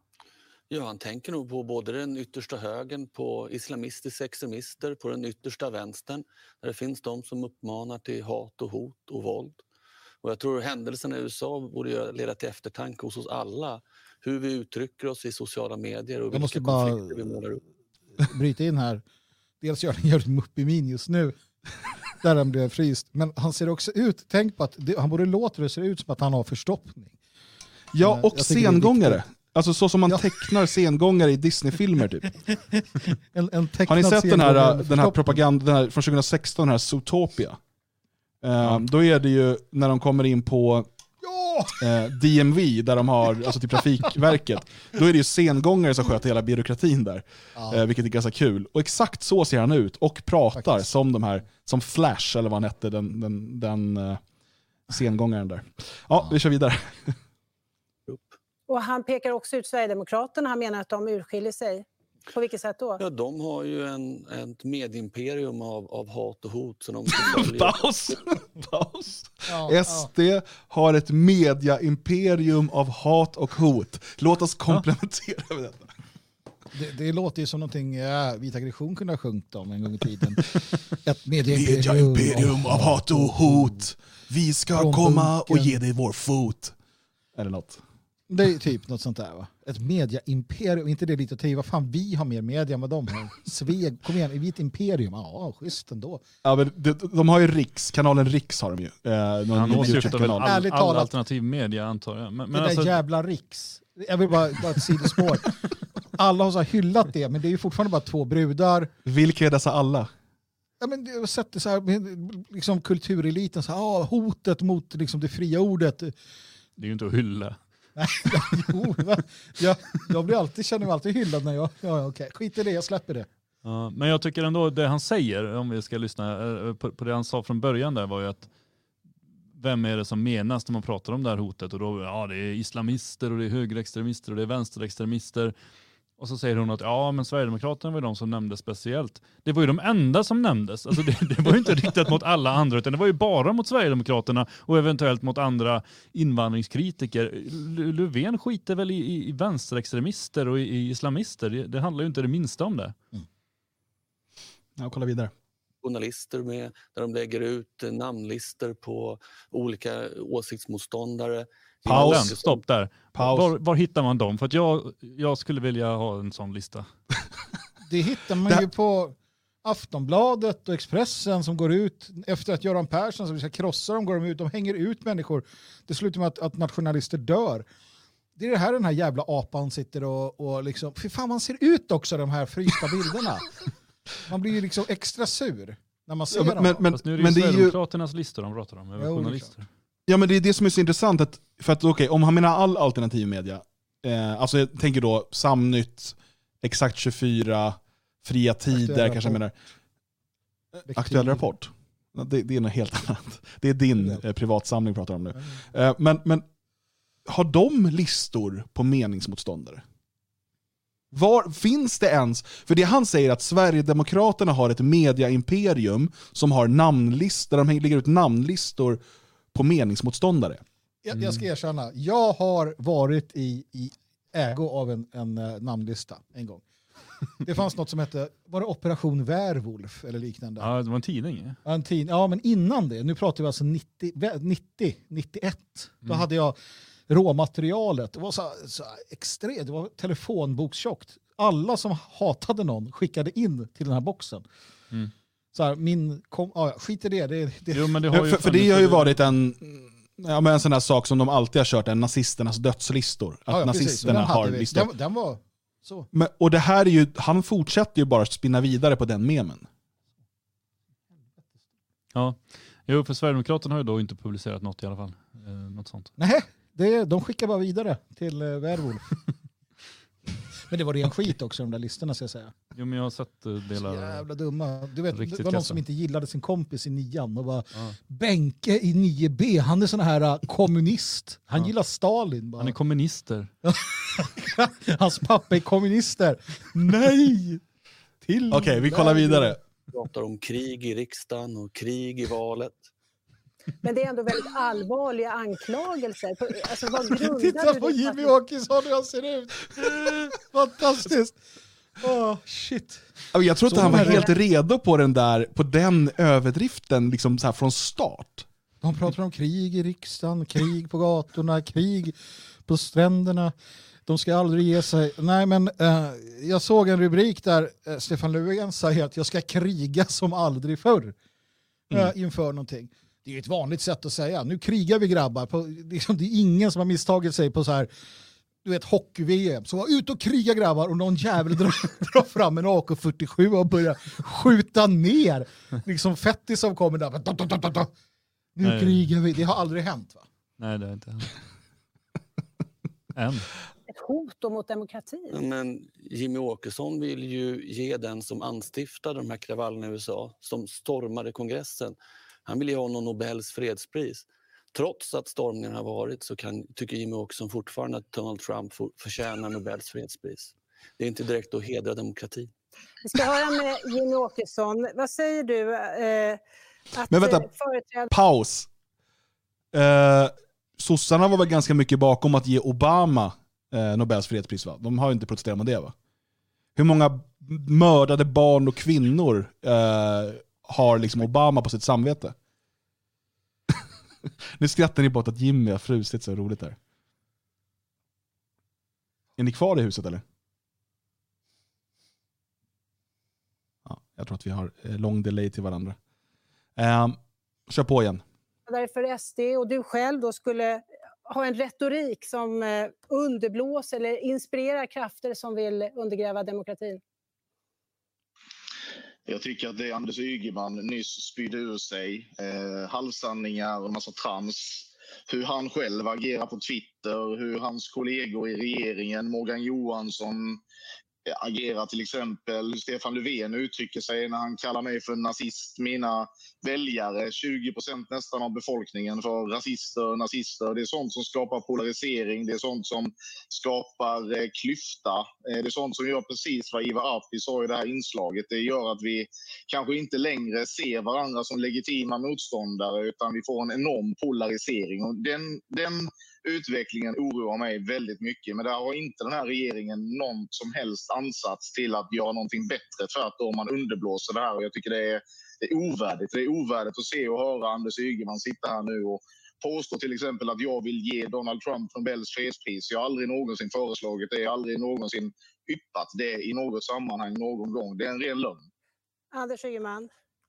SD-riksdagsledamöter vill ge och har nominerat Donald Trump till fredspris och tycker fortfarande det. Då, eh, om man ska vara... vara... Och, och här, paus. För, och här, det som är intressant med det här, det är ju taktiken ifrån eh, Ygeman här. Det är att komma med väldigt många absurda lögner. Och eh, Jimmy Åkesson lyckas bara ta upp en av dem och liksom säga att det där är en lögn. Och för den tittare som ser det här så kanske det kan verka då som att, okej, okay, han sa att det där om Trump var en lögn. Betyder det att Jimmy Åkesson då erkänner att de har ett mediaimperium av hot och hat som har listor på åsiktsmotståndare? Eh, det är en väldigt smart taktik att liksom överrösa sin motståndare med så många lögner att det liksom är omöjligt att hinna försvara sig mot alla. Nu har vi Svenskarnas hus med igen också va? Mm, kul, kul. Ja, här är vi. Hej, hej. Vi lyssnar vidare då på, på herr Ygeman. Men, Men socialdemokratiska att... företrädare är ju också väldigt ja. hårda i tonen i, i sociala jag, medier. Vad tycker du om det? Som jag sa, det manar till eftertanke. Men det manar, uppenbarligen så manar det inte till eftertanke hos Jimmie Åkesson.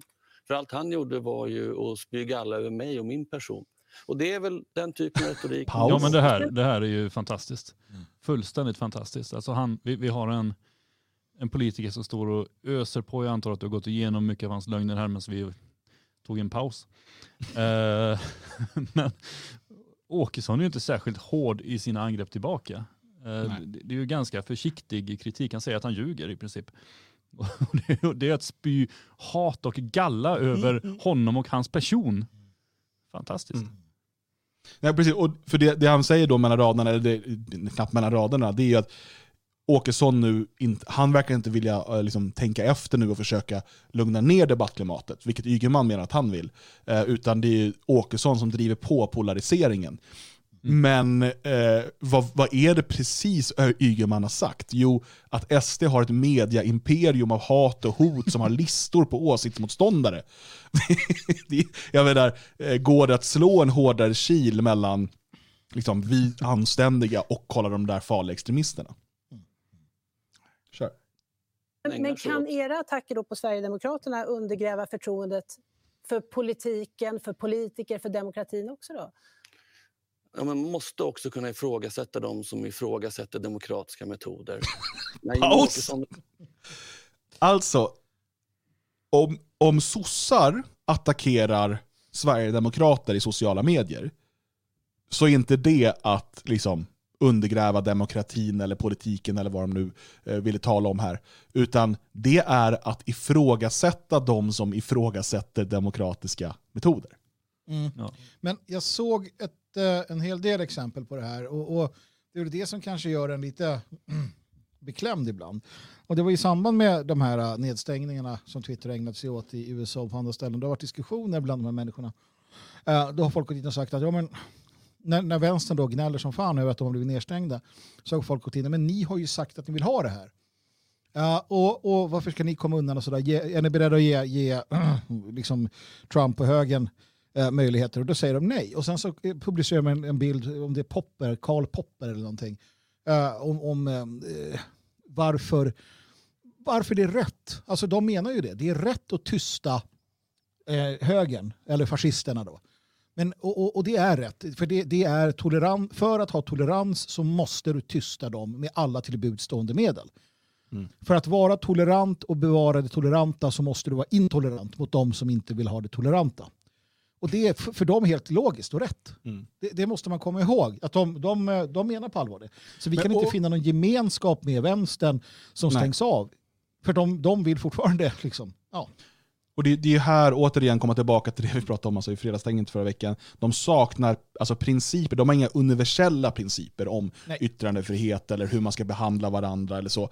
Det är inte det det handlar om, utan eh, det här är hur de, hur de vill bli behandlade. Mm. Men sen, eh, och, och hur de vill behandla folk som tycker lika som dem. Men så fort man inte tycker som dem, då gäller inte de reglerna längre. För att du är ju en av dem, man man har ju omformat så att liksom, demokrati i Sverige är lika med socialdemokrati mer eller mindre, socialliberalism. Och vill du inte, eh, och är du inte en del av det, då är du inte demokrat. Och är du inte demokrat så kan vi inte vara tolerant mot det, för då hotar du liksom hela, eh, hela grundbulten i vårt samhälle.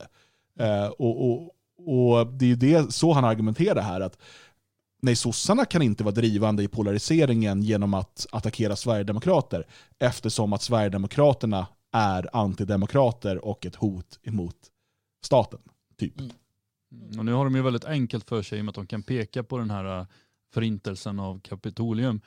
Eh, Men även innan dess så pratar man ju om Sverigedemokraterna som väldigt antidemokratiska och det beror ju på att demokrati, alltså när, när de här två står och pratar demokrati så pratar de om två helt olika saker. Ygeman pratar om socialdemokrati, det är det enda som är demokrati i hans värld. Eh, och då är det fullständigt logiskt att en liksom, ung vänstrare som står och kastar sten till exempel, han är demokrat. Därför att antifascism är alltid självförsvar. Medan Åkesson, om han ger ut en bok där han säger att vi måste begränsa invandringen, då är han antidemokrat och hans handling är en krigshandling. Fast man säger inte krig just nu för att det ordet använder man inte för närvarande. Men, men eh, där, alltså de lägger upp det på ett sånt sätt att det är alltid den ena sidan som har rätt och den andra har alltid fel och då kan bara den ena sidan vinna också. Mm. Ja, fortsätter. vill lägga ner public service eller släng- slänga ner en radiokanal för att de har haft en dålig rapportering om honom. Då Paus. måste man kunna kritisera. Han får ju aldrig säga någonting. Va? Han får Nej, inte komma och, till tals. och det var det här jag sa, hans strategi är att bara vet, pumpa som en, som, en, som en kulspruta av lögner. Så det är omöjligt för Jimmy Åkesson att liksom försvara sig mot alla. Utan, och det det som hände när ni var borta det var att han försvarade sig mot det där påståendet om att han ville nominera Trump till Nobels fredspris. Ja, ja. Men han hann ju inte försvara sig mot de här lögnerna om mediaimperium med hat och hot och åsiktslistor och så vidare. Vilket då för en lyssnare eller en tittare som inte är, är van att förstå hur politiker fungerar, att tro att ah, det där sa han ingenting om, alltså stämmer nog det. Men det är här också eh, problemet kommer med oss. Och då säger jag oss med Jimmy Åkesson i en vidare kontext. Och det är det som, som alla som har eh, studerat förhör vet. Vårt behov av att förklara oss. Det är därför polisen beter sig som de gör i förhör. Eh, Det är för att de vill ge oss chansen att förklara oss. Här så, så försöker Y- alltså, Ygeman är helt säker på att Jimmy kommer falla för det här. Han kommer försöka gå i försvar istället för att helt skita i vad han säger och gå till attack. Och bara, ja, bla bla bla, Ådalen, bla bla bla, ni har mördat människor, bla bla bla, ni är mördare, mördare, blod, död, eller vad det nu han väljer. Men vi gör inte det. Och, och det ser man skillnaden mellan vänster och höger. Det kan du se faktiskt i, i pane- pa, såna partiledardebatter med, med liksom, b- eh, de borgerliga, i det här fallet eh, eh, Kristersson och Tor och alla de här. De, de beter sig på ett helt annat sätt. Medan vänstern, det är känslor, det är bara attack och attack och attack, aldrig försvar. De svarar aldrig på en fråga, aldrig. De gör bara det de ska göra. Och de, de gör rätt i det, i det här realpolitiska sammanhanget. Det blir Eh, tråkigt. oh. Det blir fruktansvärt Ja. tråkigt när det aldrig blir diskussion om någonting. Men ska man titta på det han säger i alla fall då, så Sverigedemokraterna vill ju inte lägga ner public service. Det har de ju aldrig påstått och kommer sannolikt aldrig påstå heller. Eh, Åkesson har heller aldrig sagt att han vill lägga ner P3 som det handlar om i det här sammanhanget för att de skulle tala illa om honom. Utan han fick ju en fråga om, om du blev eh, vd för Sveriges Radio, vad skulle du göra då? Och då sa han att jag skulle lägga ner P3 för jag tycker det är en skitkanal eller något liknande. Mm. Men, men, men han har aldrig kandiderat på att bli vd för Sveriges Radio. Det har aldrig varit aktuellt överhuvudtaget. Och, och jag menar, och om vi säger då att ja, men lägger man ner P3, då begår man ett oerhört brott. Gäller det då varje enskilt program på P3 också? För det läggs ju ner program varje år. Det kommer ju nya tablåer. Man tar bort ett program och lägger till ett annat. Försvinner lite av demokratin när ligga med P3 försvinner? Eller vad, vad är det som sker? Mm. Det är ju Nej extremt men precis, och, billig, och, det är här, ja, och det är här vänstern och Socialdemokraterna är så duktiga på att spela det här spelet. Eh, liksom, de tar, och det här är en sån här lögn som de har återupprepat, det här är säkert hundrade gången som de använder det, minst. Eh, Och varje, I början så liksom har ju så här Jimmy försvarat sig, nej men jag har inte sagt det, det är inte sant. Eh, men till slut så går det inte längre, och så fortsätter man eh, upprepa det här. Ehm, det var ju en eh, tysk propagandachef som konstaterade hur vänstern fungerar och hur de, eh, hur de gör. Genom att ljuga tillräckligt mycket och tillräckligt stort så blir lögnen eh, så blir det lätt att folk tror att det är en sanning. Mm. Alltså, och, och det är precis så, det är fortfarande socialdemokratins och vänsterns eh, modus operandi. Fortsätt upprepa lögnen, även om du har avslöjats med att det är en lögn. Det spelar ingen roll. För det viktiga är inte att övertyga programledaren på Agenda, hon gör ju ändå ingenting. Det viktiga är inte att övertyga Jimmy Åkesson. Det viktiga är inte att övertyga de få procent som är insatta i politik. Det viktiga är att skapa rätt känslor hos populasen som ska gå och vara röstboskap och gå och rösta på dig. För det är de som avgör demokratin. Därför kommer demokrati aldrig handla om att ha de bästa argumenten, att kunna ha de bästa planerna, utan att appellera till rätt sorts känslor hos det bredaste befolkningslagret. Och det, det, det är det som allting handlar om. Eh, för oss som analyserar politik och tänker politik så verkar det helt absurt att Ygeman beter sig på det här sättet. Men för de, eh, de delar ur pöbeln som bara får Liksom, de kanske knappt kollar på Agenda, men om de gör det någon gång, åh vad är det, vad är det här nu? Och så ser de det här, åh, oh, det, hat och hot, det var något med hat och hotlistor. Han vill förbjuda radiokanaler som kritiserar. Han är ju värsta Hitler alltså! Åh, fan, ska du rösta på sossarna igen? Har jag lika mycket rösträtt som alla andra? Ja, jag, jag tycker inte om demokrati, det kanske framgick. Ehm, Jag såg i chatten här att, att eh, man, man ifrågasätter liksom varför går inte Åkesson in och avbryter och säger liksom, rättar till det här. Och det är för att han är på länk. Mm. Han kan inte. Han är nedtystad. Han får inte prata. men man ser att han försöker, men han hörs inte. Och det är för att han, det är ingen öppen kanal. Det är tyst. Eh, Och hon, det är det som också är intressant att se. Hade det varit en, en, eh, en bra, en duktig journalist, en duktig reporter, en duktig moderator, då hade det varit okej. För då hade den uh, klivit in. Men eh, det vet vi ju, så fort Jimmy Åkesson får ordet så visar ju hon sitt, eh, hon visar ju verkligen vad hon är och, och står. Liksom. eh, vi fortsätter. det. När medlemmar i hans partiledning kallar media för folkfiender och vill ställa dem inför rätta för att de eh, rapporterar fel, då måste man kunna debattera det. Jimmy Paus.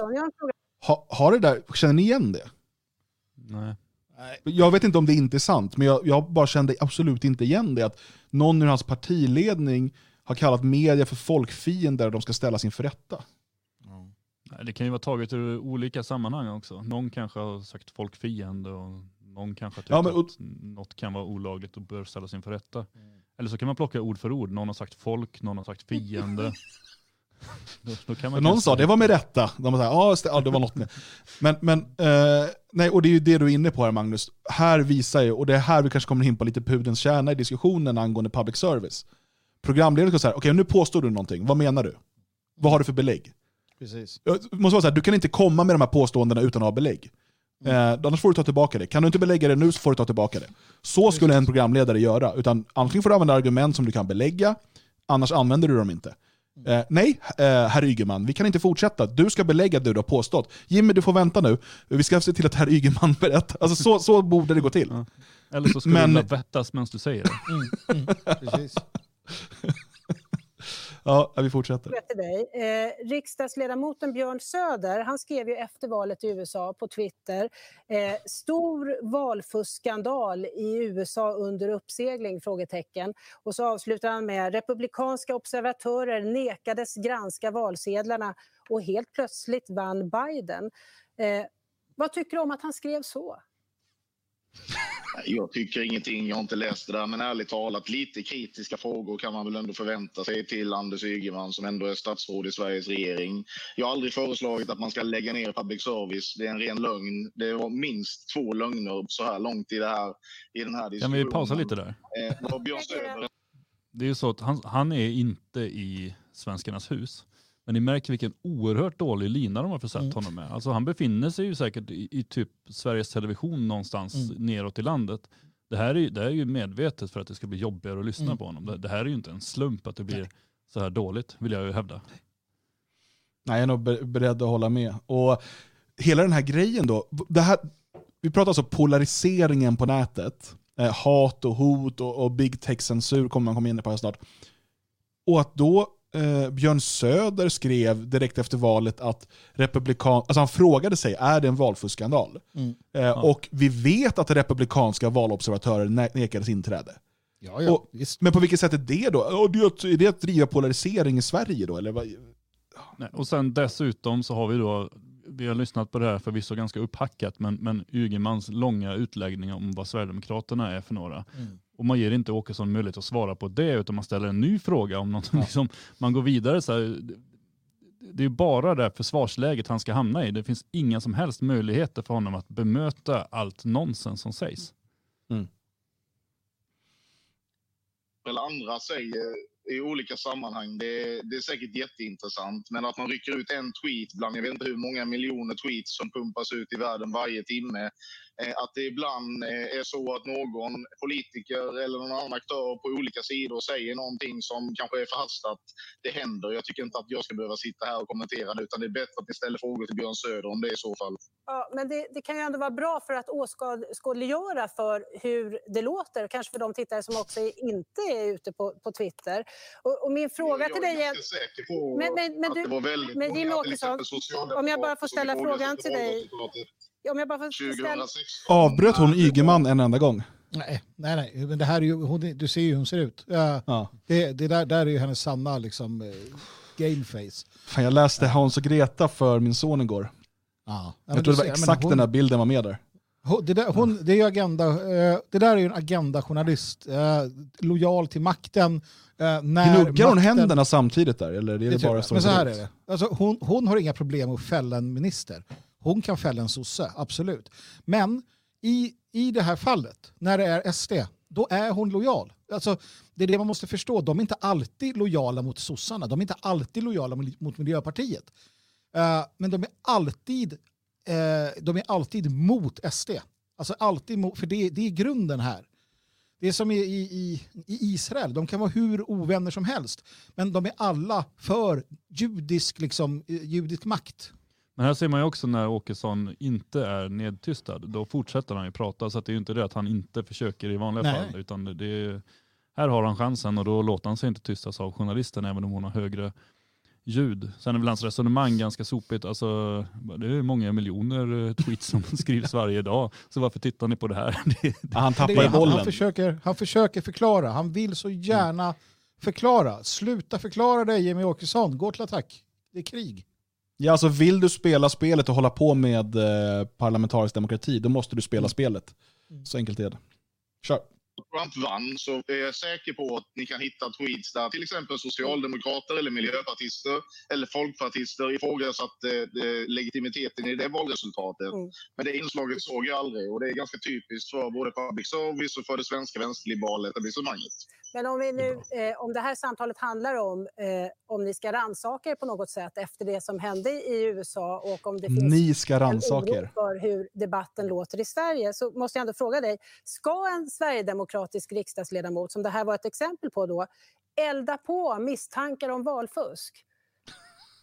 Jag vet inte om han eldar på misstankar om valfusk. Jag tycker det är en väldigt övertolkning av det han skrev. Det där var ju, nu vet inte jag när det här skrevs, men det var ju en, en ganska legitim uppfattning tidigt att just republikanska valobservatörer inte tilläts att komma nära rösträkningen och så. Och Det kan man väl ifrågasätta och ingen ifrågasätter väl heller att det förekom problem under den här valet. Sen har det konstaterats långt i efterhand att det var inte så stora problem så att det har påverkat valutgången. Och det ställer jag upp på och det är jag säker på att även Björn Söder ställer upp på idag. Ja, man kan ju fråga sig då varför inte vänta med en sådan tweet tills man vet Fan, om det alltså, finns någon grund för de här Men anklagelserna. kolla, kolla på Ygeman nu. Så, såg ni på Ygeman? Hur han bara sitter där och man ser, du vet det är som att ehm, den här stöddiga killen i skolan som inte kan slåss för sig, man har någon polare som kan slåss. Ja, ja. Och sen går, när den där polaren går fram och, och liksom slår åt honom, eh, när någon försöker bli, bli trött på honom, då står han där bakom bara, "Mm, ja, nu, nu, nu, nu Nej, men han vet ju. honom. Han vet ju. Hon gör ju Ja. jobbet åt honom. Han vet Ja. ju det.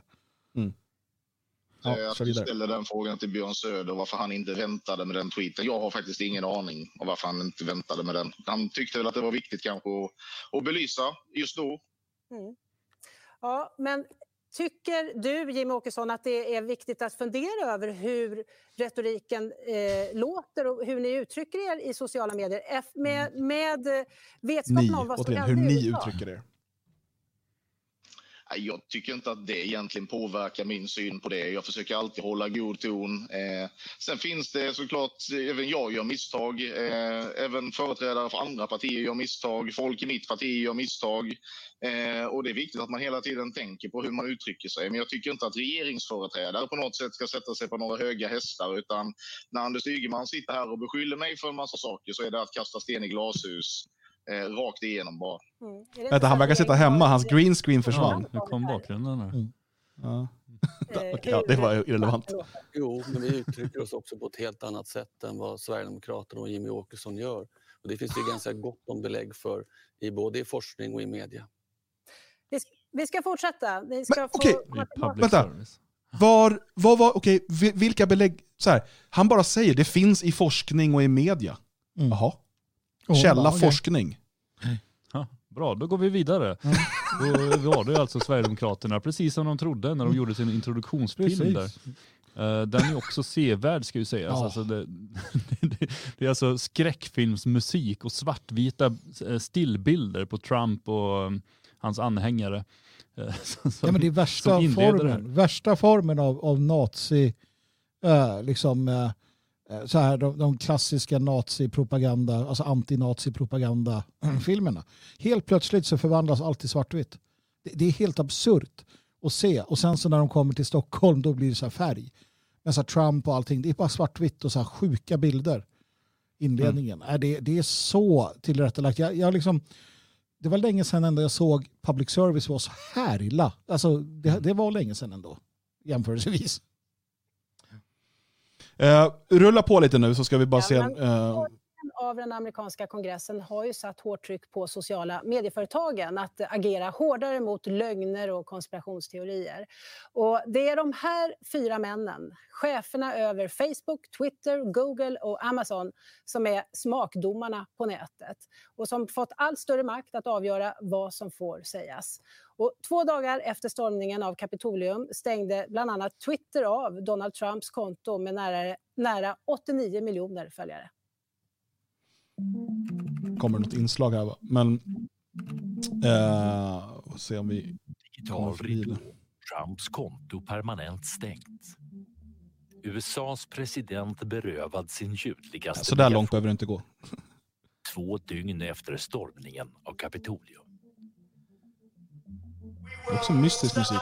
this deal, and we're going to the Capitol to take back. Enligt Twitter hade presidenten uppviglat till våld i strid med plattformens regler. Samtidigt stängdes 70 000 andra konton länkade till konspirationsteorier. Inläggen om valfusk minskade med över 70 procent på några dagar enligt en rapport som publicerades i veckan av det San Francisco-baserade analysföretaget Signal Labs. Techjättarna är mycket sparsamma med intervjuer, men Adam Sharp kan Twitter utan och innan. Han var tidigare chef för företagets sektion för nyheter och politik. Jag frågade honom varför Trumps konto inte stängdes tidigare. Han hade ju i flera år ljugit. Går det att gå fram lite grann till debatten? Fast det här är ju ändå intressant får man säga, det han sa här just nu. like Första frågan man väljer att ställa. It has public importance. And I don't think a private company should be whitewashing the public record. If the president is saying inflammatory things, illegal things perhaps, those should be platform. But there are also many people who have been turned off of the platform because of his use of it. And in fact, there are many advertisers that perhaps do not want to associate their brand with that dialogue. And so there's also a lot of money that has been taken out of the platform because Ja, men som du säger, det första de frågar, låt det rulla bara. Det första de frågar är varför, de, varför han inte stängdes av tidigare. Det är liksom den initiala frågan. Det var på Twitter som Trump byggde upp sin bas och nonstop kommunicerade sitt budskap. Nästan 89 miljoner följare. Beslutet att stänga kontot både kritiseras och hyllas.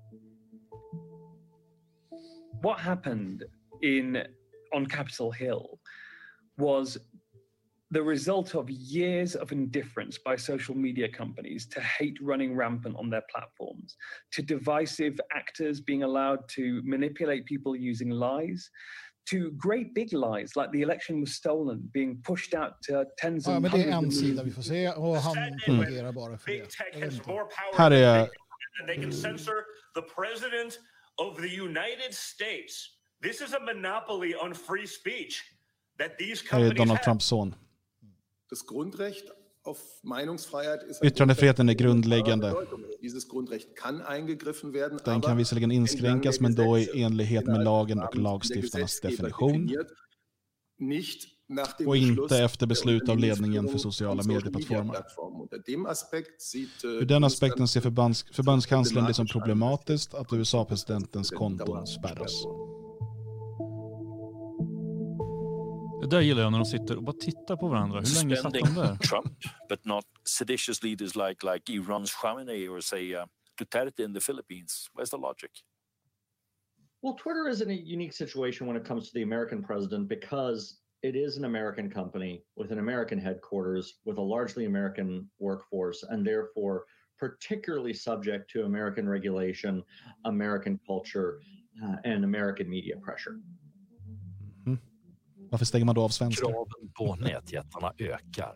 Twitter och Facebook har raderat nära 320 000 konton de senaste två åren enligt forskare i Oxford. Nyligen föreslog EU-kommissionen klarare regler för vilket innehåll som ska tillåtas och att nätjättarnas ansvar ska öka. I think there's a natural Och vad det egentligen innebär, eh, alltså det kommer bara innebära att mindre, alltså färre saker tillåts. no Det är det som man vill komma åt. Uh, Ja, det är det man some and the EU is probably going to move more quickly Twitter beslutat att stänga ett av flera konton som tillhör Irans högste andlige ledare Khamenei. Detta efter ett hot om vedergällning. Och på länk har vi med oss Sverigedemokraternas partiledare Jimmy Åkesson. Eh, var det rätt av Twitter att stänga ner eh, Donald Trumps konto? Nej, det var det naturligtvis inte. Han är ju eh, president, eller han var då president i USA, en av världens, kanske världens mäktigaste politiker. Det är ju naturligtvis helt absurt att han stängs av. Och det här är ju inte... Det är det som är någonstans problemet här, att vi har då eh, ett antal ganska få stora teknikbolag som tar sig rätten att bestämma vem som ska få lov att synas, vad som ska sägas och när det får sägas och så vidare. Och det är ju ett gigantiskt problem som är långt, långt större än Donald Trump på Twitter. Så har jag, jag har själv aldrig följt Donald Trump på Twitter så att jag, jag har liksom ingen relation till det. Men det är ju helt absurt att han och många andra Han har alltså inte följt USAs president. inte minst Alltså inte det, inte det ett problem när någon som vill bli statsminister i Sverige inte ens följer vad USAs president säger? Det är kan jättedumt. Det ska man ju såklart. Skäms han inte? Nej. Eller ljuger han? För jag tror att han följer Donald Trump från sitt trollkonto. Ett av dem. Mm. Eh, Anders Ygeman, digitaliseringsminister, vad säger du? Var det rätt att stänga ner honom? Först vill jag säga att jag delar Jimmy Åkessons problembeskrivning. Att de här företagen har för stor makt över det offentliga samtalet. Men jag Det ska lutar åt att det partiet var ha. rätt att stänga av Trumps konto. Eftersom han har användarvillkor som förbjuder våld och uppmaningar till våld. Och Trump fick två varningar och sen så stängde man av dem. Så det anmärkningsvärda här är ju att vi har en folkvald president som uppmanar till våld eh, och inte att Twitter stänger av honom. Mm. Jimmy Åkesson, menar du att det ska vara fritt fram med vilka Ja, jag tror inte det sägs så mycket intressant i den här Nej, delen. den, den här debatten var inte lika intressant. Men, men vad är det för... Har presidenten gått ut på Twitter och uppmanat till våld? Nej. Ja, det har hänt. Va, vad då han, hotade, han hotade Nordkoreas president med kärnvapenkrig. Det var ingen som... Han sa som under. BLM-demonstrationerna sa han “When the looting starts, the shooting starts”. Precis, men Ja, det, handlar det. inte, det, handlar, det är bara ett, en logisk slutsats. Han har hotat Iran med eh, krig eh, via Twitter. Men återigen, det har man ju inte brytt sig om. Det är Nej. inte det det handlar om. Och det fanns ju ingenting eh, i- vad det gäller Kapitolium eh, som ens kommer, alltså det finns ju inte ens en, eh, nej, ingenting, ingenting. Så det är, Mm. det är bara att hitta på. Det man kan ehm, jag skrev en artikel på nationalisten.se tidigare idag om den här, eh, det här inslaget. Eh, det som är lite intressant i slutet är det ju att Ygeman menar att eh, eh, yttrandefriheten naturligtvis måste vara eh, mer begränsad på internet, men att eh, det ska vara i första hand ländernas lagar som gäller. Och då ska plattformarna följa dem, vilket gör, kommer göra dem jävligt nervösa. De vill inte bryta mot lagar, vilket gör att de kommer dra gränsen långt innan där lagen ligger. Mm. Eh, och han menar att om inte företagen själva kan välja att stänga ner saker, då skulle till exempel Isis propaganda vara laglig, för den är ju laglig i Sverige. Eh, Varpå Åkesson svarar att eh, ja, fast vi har ju hellre större yttrandefrihet på internet medan vi vill förbjuda Isis propaganda och därmed så är det problemet löst i så fall. Eh, Så slutsatsen egentligen i det stora hela är ju att sossarna vill ge oss större begränsningar på internet men ändå större yttrandefrihet utanför internet. Medan Åkesson vill ge oss större yttrandefrihet på internet men som ändå ska vara kopplad till en mer begränsad yttrandefrihet ute i verkligheten. Mm. Så båda var egentligen väldigt överens om att båda vill begränsa yttrandefriheten för de som inte tycker likadant som de gör. Man kan ju säga också att Kamala Harris eh, under eh, BLM-upploppen nu i somras ju- liksom bidrog till och, och twittrade om att man skulle samla in pengar till de som har gripits för, för våldsamheter under de här upploppen. Det är väl att uppmana till våld, uppmuntra till våld åtminstone. Ja, ja, visst. visst. Återigen, Eh, jag, jag, jag larvar mig nu för att vi, som sagt, vi pratade om det här i fredags. Vad de säger spelar ingen roll. Alltså man ska inte ta dem för vad de säger. Men det blir så uppenbart. Eh, alltså propagandan är så uppenbar. Och egentligen det enda vi kan komma fram till är att eh, ja, men alltså public service måste läggas ner. TV-huset jämnas med marken och sen ska vi bygga något vackert där. Det, det är väl typ det. Ja, men visst, visst är det det. Det, det, är ett- det, det är ett eh, pragmatiskt förslag från oss, från vår sida. Ehm, ja, ehm, det är eh, talande. Ygeman som ju faktiskt var påtänkt eh, som eh, att ta över efter Löfven som partiledare fram till den här Vägverket, eh, eller Trafikstyr, Transportstyrelsen-skandalen. Just det. Det är ju glömt nu. Ja. Ja. Innan vi går in på Magnus eh, mer eller mindre sanna och fantastiska fakta eh, så måste vi Helt tala om... säkert mer eller mindre sanna och fantastiska fakta. Jag är osäker på om det finns en massa dubbelnekotationer där som jag inte riktigt hänger med i. Eh, är de sanna eller och fantastiska? Helt säkert är de det. Ja. Ehm, säkert. vi, vi behöver prata kort bara om ariernas aber. Så, alltså, och det här kommer då med, eh, ja, jag, jag eh, hamnade i diskussion med, med en person på Twitter eh, som eh, inte alls kunde tro på att Tyskland öppnar upp eh, en typ av anstalter nu för människor som bryter mot eh, påtvingad coronakarantän. Um, han menar att det här var fake. Det är fake news. Eh, uh, Bild Zeitung som jag hade då en film ifrån, det är en skvallertidning, man kan inte ta det seriöst. Aha, Okej, sa jag, jag som bor här eh, och hänger med i debatten. Uh, det här debatteras överallt just nu. Um, men du menar att allt är bara på och du, det är bara fejk. Då säger han, ja men um, det här skulle aldrig få genomföras för det är ett brott mot mänskliga rättigheter. Eh, det finns inga civiliserade demokratiska länder som kan komma undan med att spärra in folk som inte begått ett brott. Om detta händer så måste ju typ EU kopplas in eh, om ett av deras länder bryter mot lagar om mänskliga rättigheter. Och, eh, det här är bara ett exempel på massor av exempel som förklarar det stora problemet vi har med de så kallade Sverigevännerna. Alltså alla de här människorna som nyligen har vaknat upp och känt lukten av kaffe och eh, märker att någonting liksom är galet. Och det är att de har en sån benhård tro på systemet och dess institutioner. Eller? Ja, men alltså, jag såg det här och, och grinade blod, eh, som sagt. Eh, jag, jag tycker att man stöter på sånt här allt som oftast, så, såklart.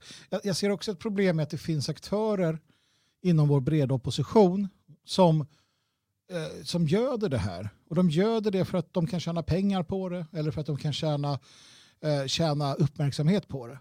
Vi, vi, vi ser det. Eh, och de människorna gör ju också allt de kan då för att det här ska fortsätta. Uh, och det är obehagligt och det är oroväckande. Och det tvingar oss till att förklara krig, mina vänner. Vi måste förklaras, det, det måste förklaras krig mot Sverigevännerna. Uh, och, och det måste göras för att vi ska kunna rädda ett fåtal ur det brinnande huset som är deras tempel. Det finns en del där som går att rädda, men om det här bara tillåts att snurra vidare och vidare och vidare så, så kan liksom inte mittpunkten hålla samman. Eh, och det, det är allt ifrån det här med de, eh, att sossarna är de riktiga nazisterna till, till något som är kanske det mest, det som får mig att bli mest ledsen. Och det är att man hela tiden använder ordet fascist på ett felaktigt jävla sätt. Sluta använda fascist som ett begrepp mot någonting eh, som du tycker är dåligt. Vad fan är det för historielöshet? Fullständig liksom... Eh, det, det, det, Alltså, man måste se eh, Europas 10 och 20-tal och, och 30-tal för den delen, men framförallt 20-talet med eh, de bolsjevikiska revolutioner och revolutionsförsök som poppade upp överallt. Eh, och eh, efter att Europa till delar låg i ruiner efter första världskriget och vi gick in i, i, i en djup depression och så vidare, så eh, vädrade Eh, den, den röda draken eh, morgonluft. Och det bildades eh, olika typer av försvarsrörelser mot detta. Alltså mot allt det onda som bolsjevismen står för. Och eh, de tog, det tog sig olika uttryck beroende på om det var i Rumänien, i Spanien, i Italien, i Tyskland. Eh, och på, på, olika sätt försökte man då eh, göra motvärn mot eh, bolsjevismen. I Italien eh, hette försvarsrörelsen fascismen. Och eh, eh, den stod pall mot bolsjevismen under lång tid. Eh, att eh, det, det, är så, alltså att hålla på att använda begreppet fascist eh, som negativt för, och liksom som då man säger att sossarna är fascister eller det där är fascist. Det är att reproducera bolsjevikernas världsbild. Alltså att reproducera Europas fienders världsbild, det är att vara valarbetare för vänstern. Det är att liksom göra deras propaganda. Det är att, att bedriva deras metapolitiska kamp. Varje person som påstår sig vara nationell av något slag och använder fascist som begrepp på det sättet gör oss inte bara, liksom, alltså, den gör sig till en politisk motståndare till oss. För man aktivt motarbetar vår sak genom att lyfta fram vänsterns världsbild. Jo, det finns ju många sådana begrepp. Rasist är ju ett så, annat sådant ord. Uh, man jätteofta hör bara, men jag är ingen rasist utan uh, jag tycker så här och så här. Eller de är de riktiga rasisterna och titta här vad rasistiskt de här gör för att de pratar om raser och så. Även ordet rasist är också någonting som uh, togs fram av, av kommunisterna på 20 30-tal. Just för att eh, alltså misstänkliggöra ett, ett tänkande som på den tiden var helt normalt. Mm. Så alla var i så fall rasister. Uh, och, och, man säger att ja, men i ordets riktiga bemärkelse, nej, ordets riktiga bemärkelse har alltid varit att misstänkliggöra människor. Det har alltid varit på, uh, på vänsterns villkor därför att det Mm. är vänsterns ord. Uh, man, kommer inte ifrån det hur man än uh, försöker. Nu ska vi använda ordet rasist på det här eller det här sättet. Ja, men oavsett hur du använder ordet så är det deras ord som har uppfunnits för att tysta människor som inte är kommunister. Mm. Uh, Ordet fascist är ju inte så, utan det, det är ju skapat av andra. Men när man använder det på det sättet som att ah, poliserna är riktiga fascister för att de uh, gör det eller det eller det. Så bara, Jaha, vad intressant. Håller de på att arbeta med det kooperativa samhället? Liksom? Nej, de slår med batong. Men det handlar inte om fascism, utan det handlar om att de slår med batong. Nej men visst. Ja, det, det- och det är ju här, det är här då, dels det men också den här dumheten som vi såg uttryck för och den här naiviteten, den här tron på systemet. Allt det här måste vi bekämpa. Vi måste gå i krig mot Sverigevännerna, deras naivitet, eh, deras dumhet. Eh, räddas de som räddas kan. Resten måste någonstans eh, liksom vik hädan från oss. Där är kameran. Vik hädan från oss. Ni, ni är inte vi. Ni går dit till, till vänster, höger, vänster. Ja. Eh, perrongen, vi skiljer oss på perrongen. Tåget kommer in, vissa får gå åt ett håll, andra en annan utgång. Och det är där vi måste vara. Vi måste selektera genom att först ge kunskap. Kunskap ger frihet nämligen. Men de som inte kan ta emot den friheten, de får gå ut till vänster. Mm.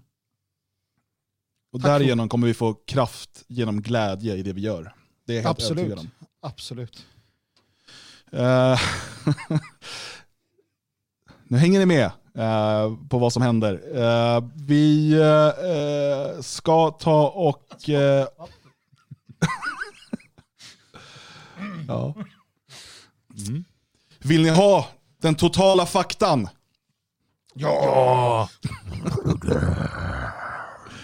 Bra, för att nu Jag är det dags. Jag har, ing, jag har ingen jingel för det så det blir Magnus, mer eller mindre fakta.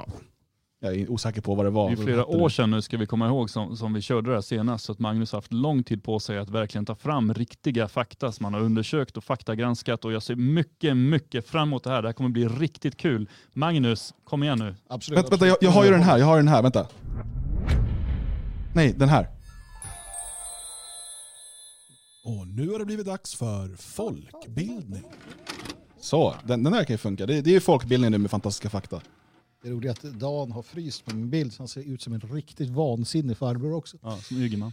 Tack så mycket, tack så mycket gott folk. Eh, helt säkert mer eller mindre sann och fantastisk fakta ska vi avsluta den här kvällen med.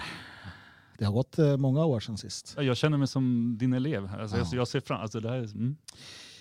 Curie Curiosa. Curie Curiosa börjar vi med. Irene Curie och hennes make fick Nobelpriset för upptäckten av artificiell radioaktivitet. 30 år efter att hennes föräldrar Marie Curie och Pierre Curie fick sitt Nobelpris. Det senaste utav dem. De fick två nämligen. Irene Curie dog sedermera av all radioaktiv strålning som hon utsatts för, precis som föräldrarna.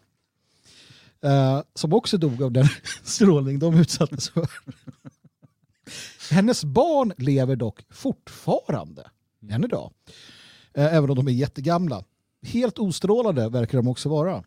Och det intressanta i den här fantastiska faktan det är att det är inte längre tillbaka i tiden till eh, Marie Curie. Även om det är skitlänge sedan så är det inte längre än att hennes barnbarn lever och har hälsan. Jag, jag kommer inte ifrågasätta denna fakta. Nej. Nej, Jag, tyckte tror att, jag var- tror att den stämmer, men den är ganska fantastisk. Det håller jag Visst är den fantastisk? Ja det är den verkligen. Och sen att, att just barnbarnet då tänker att nej jag skiter i det här med Nobelpris och lever. Precis, precis. Skiter i att nej, men jag ska inte forska om radioaktivitet. Jag, jag gör inte det. Jag äter inte radioaktiva isotoper. Den här faktan, den här fick mig, det, det pirrade i kroppen. Det var så här, yes, det är en sån här fakta som, som alltså den är fantastisk. Den, Ja, jag ryser redan nu. när George Orwell, han hette inte George Orwell då, Nej. men när George Orwell gick Hette, han någonsin då? han kallar sig det. Ja. Tror jag. Någonstans, någon gång. När han gick i skolan, när han gick i skolan så läste han bland annat franska. Och vem var franska lärare? Vem var George Orwells lärare? Nej, det vet Mm. inte. Det kan inte vara samma som jag hade. Nej. George Orwells franska lärare var Aldous Huxley. Nej. Hur Nej. coolt är inte det? Nej. Jo! Nej. Jo! Aldous Huxley som skriver eh, Sköna nya värld. Det sköna nya värld är alltså franska lärare åt eh, George Orwell. Det är fantastiskt. Det är så bra. Det är så bra. Det är så bra. Det är så bra. Men de måste ju ha snackat ihop sig då ju. Jag vet inte. Jag bara, Vi skriver varsin bok, något av det kommer slå igenom, sen slår båda igenom. Ja, det är så bra. Det är så bra.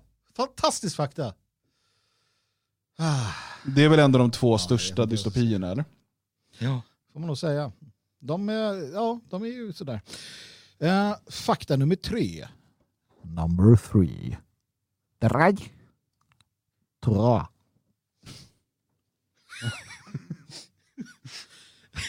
President Calvin Coolidge. Han var president mellan 1923 och eh, 1929. Han, bru- han brukade trycka på knappen som tillkallar livvakterna i Secret Service för att sedan gömma sig. Så att de var tvungna att i panik springa runt i Vita huset och hitta honom. Så jävla bra! Han sitter där och har skittråkigt och så bara panikknapp. Slänger sig under skrivbordet. De det, det roliga är att de kan ju inte inte göra det. Nej, det måste ju de. Det är ju de, Vad fan också! Men alltså man tänker ju ändå vilken Mm. tur att inte han hade de här kärnvapenknapparna. Du vet, de står där och så bara... Så, fan! Ja, det är så jävla bra. Det är så här påtvingad ku- kurragömma. Men det är ju också roligt, för risken för Peter och vargen syndrom är ju också överhängande. Att när det väl händer, de bara, "Nej, men nu, nu håller han på igen, jag pallar Ja, inte, jo. skit i det här. Jag dricker upp kaffet först i alla fall. Ja, precis. Var han demokrat eller var han... Det vet jag faktiskt inte. Eh, Jag tror han var rasist bra. bara. Så. Ja. Men förutom det så hade han också ett, en, en, en tam tvättbjörn som han matade med ägg. Eh, Ingen hund? nej, en tvättbjörn. Eh, Tolkien känner ni till. Det är fyra nu. Ja. Nu är det Var fyra. va, var hans franska lärare, vem var det? David Eddings? Tolkiens. Det, ja, jag vet faktiskt inte. Det var en tvättbjörn. Tolkien ska du veta. Han hatade Disneys version av Snövit och de sju dvärgarna. Till den milda grad att han förbjöd att Disney någonsin, alltså liksom evighet, ska få producera eller ta i hans verk. Och det kan han vara jäkligt glad för nu när vi sett vad de har gjort med Stjärnornas krig va? Precis, ja, förutom Mandalorianen. Så ja, är hyfsat bra. Men generellt sett ja. Nej, men han, alltså, han hatade tecknade... För att han hade väl precis som jag läst originalet. Grims. Alltså det är ju inte deras, de har ju skrivit ner det. Men det är ju så vansinnigt mycket bättre. Med blodigt och strid och liksom sådär. Ja, Alltså så generellt sett så är ju de här Disney-versionerna utav eh, de gamla eh, folksagorna rätt eh, mesigt de, gjorda. De har ju blivit ganska släta så, men det är ju ändå, det är ju ändå eh, han söker sig ju ändå till, till, till eh, det, det ureuropeiska någonstans. I, ja. Det var ju Mussolinis favoritfilm faktiskt. Nu. Faktum är att alltså ett problem är att Disney har ersatt de ursprungliga sagorna med sina sagor. Ja. Om du söker på... Det är ju vårt fel. Det är ju, det är ju vi som är konsumenter som Ja. har valt att konsumera fel. Mina herrar, eh, mina herrar. Jävla bra. 1983 så nödlandar en mexikansk pilot i en liten stad i Irland. Hela staden gick då samman för att bygga en lagom lång och bred startbana åt honom. Så, så, så att han kunde, kunde flyga iväg.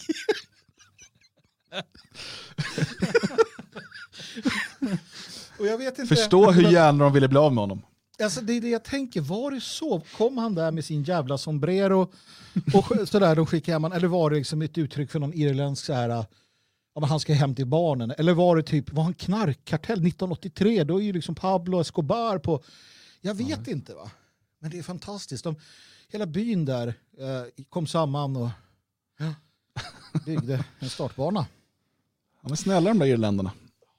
Det här är något för dig Björn, vi är på sjuan, Hur många har vi egentligen? tio. Ah, jag tyckte du sa fem förut i förmiddags när vi pratade om Nej, det. nej, tio. Förut Ah. hette det kanske fem fantastiska fakta, men tio är roligare. Ja, kul, kul. Ja.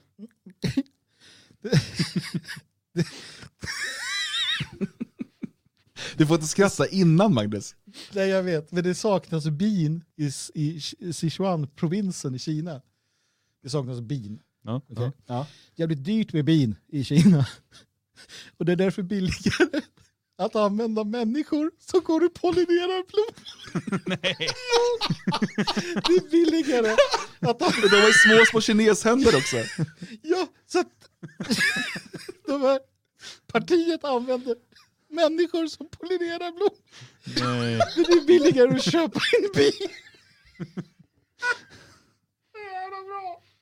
Alltså jag vill ju att det är sant, men jag har lite svårt att tro det. Det låter otroligt Magnus. Jag är är inte säker. Alltså, kan Googla. människor verkligen vara så effektiva?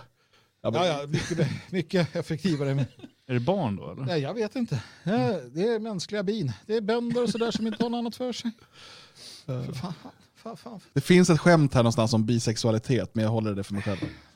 Ja, nej, men det, din bisexualitet, Björn. Dan, Dan, håll det för dig själv för fan. Björns Ursäkta mina vänner, nu blir det seriöst. Björn, den här är till dig. Vad är det förra med sa du? Ja men det var fel. Det var den här.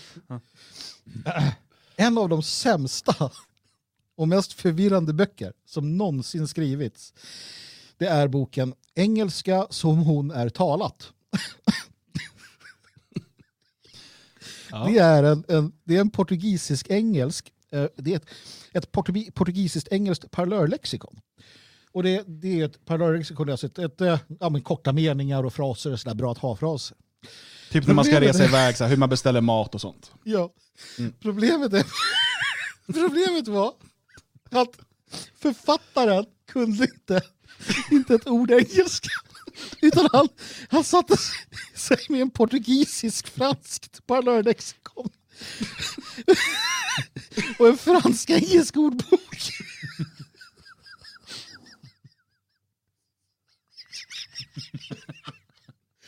Och så översatta. Och den finns utgiven och heter Engelska som hon är talat. Kan du ha några exempel från den? Nej, nej, den är på portugisiska och engelska. Ho- hopplös. En helt hopplös bok. Men så jävla bra.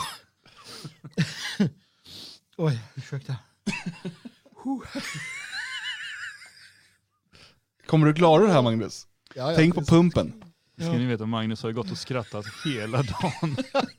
Så kul, jag satt och skrattade vid bordet. För Det roliga är att vi, vi har trott att det har varit massa mail från lyssnare det här. Ta tillbaka Magnus, fantastiska fakta. Men det är Magnus som har skapat massa mailadresser. För det är det Ja, här det han vill göra jag- egentligen.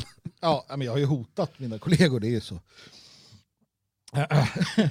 Till slutet av 1800-talet så fanns det en delfin. En delfin vid namn Pelorus Jack som visade fartyg genom en svår vattenväg eh, på Nya Zeeland. Eh, den här kallas då Te Aumiti. Någonting. Det är klart. nej, nej. Eh, det är en svår vattenväg, alltså så här rev och, och man kan gå på grund och det är ganska obehagligt. Där. Så delfinen visade alla fartygen. En gång var det då ett fartyg där som gled in och den här delfinen då, Pelorus Jack, han blev skadeskjuten utav en passagerare på ett av de här fartygen. Samma fartyg kom sedermera att gå på grund i det här området varpå 75 personer miste livet. Så jävla Ja, det är kul. Du vet, de sk- skadeskjuter delfinen så här, dum. Delfinen bara, jag kommer ihåg er. Sen någon annan gång när det, han ser samma, men det måste ju vara det, delfinen såg samma fartyg och bara nu, Dolphins Revenge. 75 personer dör när fartyget förliser. Tjafsa Ja. inte med delfinerna. Nej, gör inte det. Ja, de är ju smarta djur. Alltså. Ja. ja. Eh, den här är för uh, Dan. Åh, tack. Ja. Faktum är Dan att pengar kan göra dig lycklig. Eh, det är bevisat genom eh, olika rapporter och vetenskapen har belagt det här. och media. Så att det vet vi. Men inte hur mycket pengar som helst. Och det är här som är spännande. Enligt de här studierna då, eh, så verkar det som att pengar och lycka hamnar på en platå vid 75 000 dollar. Cirka 620 000 svenska kronor. Därefter så blir du inte lyckligare utav pengar. Pratar vi årsinkomst då? Ja, precis. Eh, Mm. Så har du runt 600 000, då är Det du som jag inte. lyckligast. Därför är jag inte lycklig. Nej, precis. Eh, Björn är helt, jag vet inte, han, jag är lite Jag rädd tänker så här, på detfriasverige.se donera, gör oss lyckliga. Nej men absolut. Eh, och här får ni kvinnor, eh, brudar, babes, eh, ta- tanter också, vad ni är. Eh, här får ni ett argument till era karlar. Liksom, vill ni att jag blir lycklig 620 000 per år, då. Ja, nej, men det, jag tycker det låter rimligt någonstans att det finns så här, alltså, att det gör ingen, alltså antingen så gör det ingen skillnad därefter för att du har liksom råd med allting du vill ha i stort sett. Om du inte liksom har att du ska ha privatjet och sånt, men, men liksom allt. Du kan köra en schysst bil, du kan ha ett fint hem, du kan ha en eh, semesterstuga du kan, och så vidare. Vad skrattar du åt? Nästa. det är så bra. Jaha, du är med på det. Ja, men jag bara tänker att det är rimligt. Och sen efter så gör det ingen större skillnad. Alternativt att det bara blir jobbigt för att du har så mycket pengar och folk vill ha, ha saker av dig. Eller att är du liksom, ja. Ja, så att vi, det, det är bra. Vi, vi, eh, vi satsar på 620 000 helt enkelt. Ja, 620 000, det ska bli min lön och det här är mitt argument. Jag vill vara lycklig. Nummer 10, och den här kommer få er att skratta så att era mag, magar, om ni vore kossor, men det är ni inte, eh, hade vänts ut och in. Eh, för det är så jävla bra. År 1896 så använde man År 1896 så använde man samma tidtagarur för start och stopp vid maratonlöpningen under OS. Man var därför tvungen att cykla fort som fan med uret för att hinna fram innan den första löparen. Varför man inte förlade start och stopp vid samma plats vet inte någon levande själ idag. Vilket OS var det det? gjorde man alltså.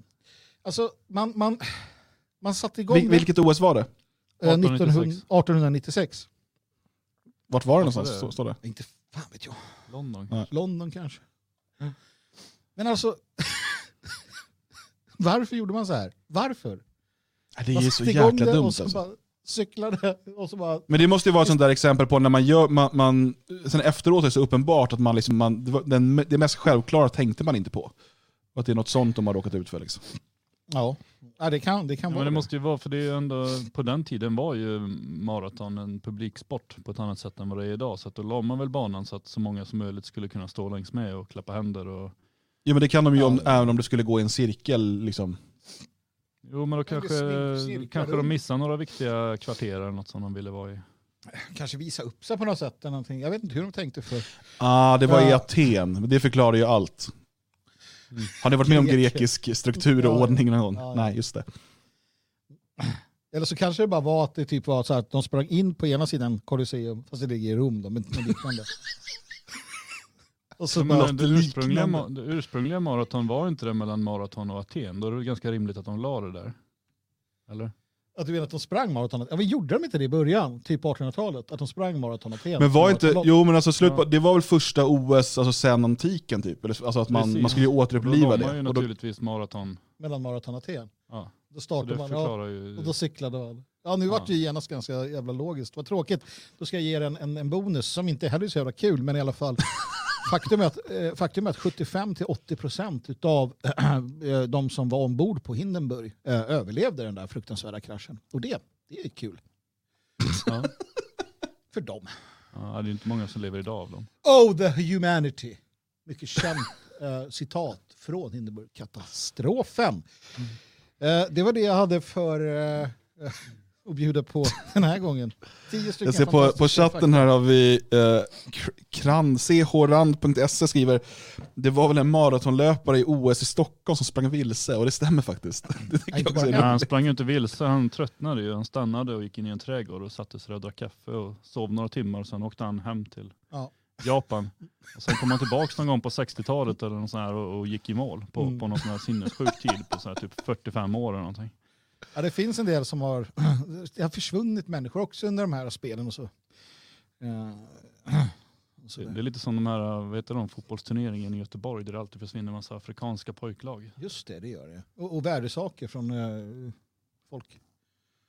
Ja. Nej men så är det hörni.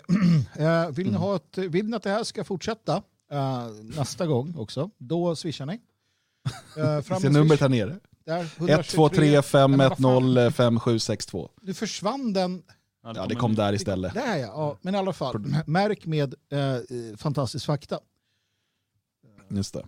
Får Så vi in att jag får 620 000 så kommer du vara glada. så vi är tillfreds med tillståndet.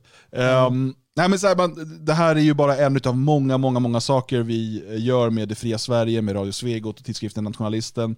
Eh, Verkligen, det här är och- inte, fantastisk fakta inte alls liksom, så här kärn, kärnämnet eller själva Det kan grunden. bli. Alltså för 620 000 kronor om året kan det bli kärnverksamhet. Det fanns mycket roligare än det mesta andra i alla fall. Det är det. Alltså, vi har en tidskrift som heter Nationalisten som kommer ut en gång i månaden. Eh, men den, det kommer också upp uppdateringar dagligen på, på nätversionen. Nationalisten.se. Teckna en prenumeration, stöd Sveriges enda nationalistiska tidskrift. Eh, Radio Svegot, du kan gå in på svegot.se plus och teckna en stödprenumeration för att eh, stödja arbetet med eh, vår radio som sänder dygnet runt. Eh, och vi publicerar minst åtta podcasts i veckan av, med lite olika inriktning. Eh, och dessutom så driver vi ju Sveriges största nationalistiska organisation, eh, Det fria Sverige. Du går in på detfriasverige.se eh, och blir medlem. Du kan också gå in på detfriasverige.se donera om du vill lämna ett ekonomiskt bidrag till verksamheten. Det fria Sverige driver ju också Svenskarnas hus, eh, som är där eh, Björn och Magnus står just nu. Um, och eh, Vi har en husfond för att dels renovera och uh, ordna upp med det första huset som är på 900 kvadratmeter och står i Elgarås. Um, men också för att kunna köpa och investera i fler fastigheter. Där har vi ett mål om att samla in 50 000 kronor i månaden. Det är en bit kvar eh, det här året. Um, det här, den här månaden. Uh, gå in på detfriasverige.se och scrolla ner. Sluta! scrolla ner till husfonden. Uh, vänta, vi gör så här. Så, uh, och scrolla ner till husfonden. Så kan du hjälpa till. Vi behöver samla in, vi behöver nå målet den här månaden och fortsätta bygga det fria Sverige. Hej, nu är ni tillbaka. Nu är ni tillbaka. Hallå där, hallå där. Hej, hej, hej. Vi kommer ju också nu ha ett eftersnack. Just det. Jag, glömmer alltid bort det där. Så att du som är med och tittar live, eh, hoppa in på Radio Svegots chatt på Telegram. Eh, t.me svegots chatt, chatt med två t. Eh, och gå in i voice chat. Så kommer vi snart in där och har ett litet eftersnack med er. Det ser jag fram emot. Stort tack för alla citroner och glassar och sånt. Och vi ska öppna kistan här det sista vi gör. Den är inte riktigt så stor som, eh, som den var en annan gång. Jag ska se om vi kan... Eh. Mm. Det är sorgligt att jag har blivit Den, mindre jag tror den håller på nu. Det står att jag redan att jag har gjort alldeles nyss en utdelning. Jag vet inte om det kanske då den kanske bara buggar loss den här kistan. Då får vi ta med, ta med den hem och ta tillbaka den nästa gång. får bli nästa sändning. Eller så kommer ni få massa citroner nu. Um, stort tack till alla som varit med live. Uh, de här måndagskvällarna är kaotiska. Om du är så här mer att du vill ha liksom, fokus på eh, seriösa ämnen och diskussioner och så vidare så har vi massa poddar för det också. Jag rekommenderar dem allihopa. Eh, imorgon kväll har vi alltså på gamla och nya stigar, vårt kulturprogram. Eh, och på onsdag kväll Veckans hädelser med Ludvig Delin och eh, Frode Midgård. På torsdag Passningen, Sveriges enda politiskt inkorrekta sportpodd. Och på fredag har vi då Fredagstinget där vi tar eh, ett hårt grepp om tre ämnen. Tisdag, onsdag och torsdag morgon mellan 8 och 10 är det Sveriges enda nationalistiska morgonradio, Sverige vaknar. Du kan höra alla de här programmen på svegot.se. Nu tackar vi för ikväll och till er live-lyssnare, vi syns i chattgruppen i eftersnacket. Tack!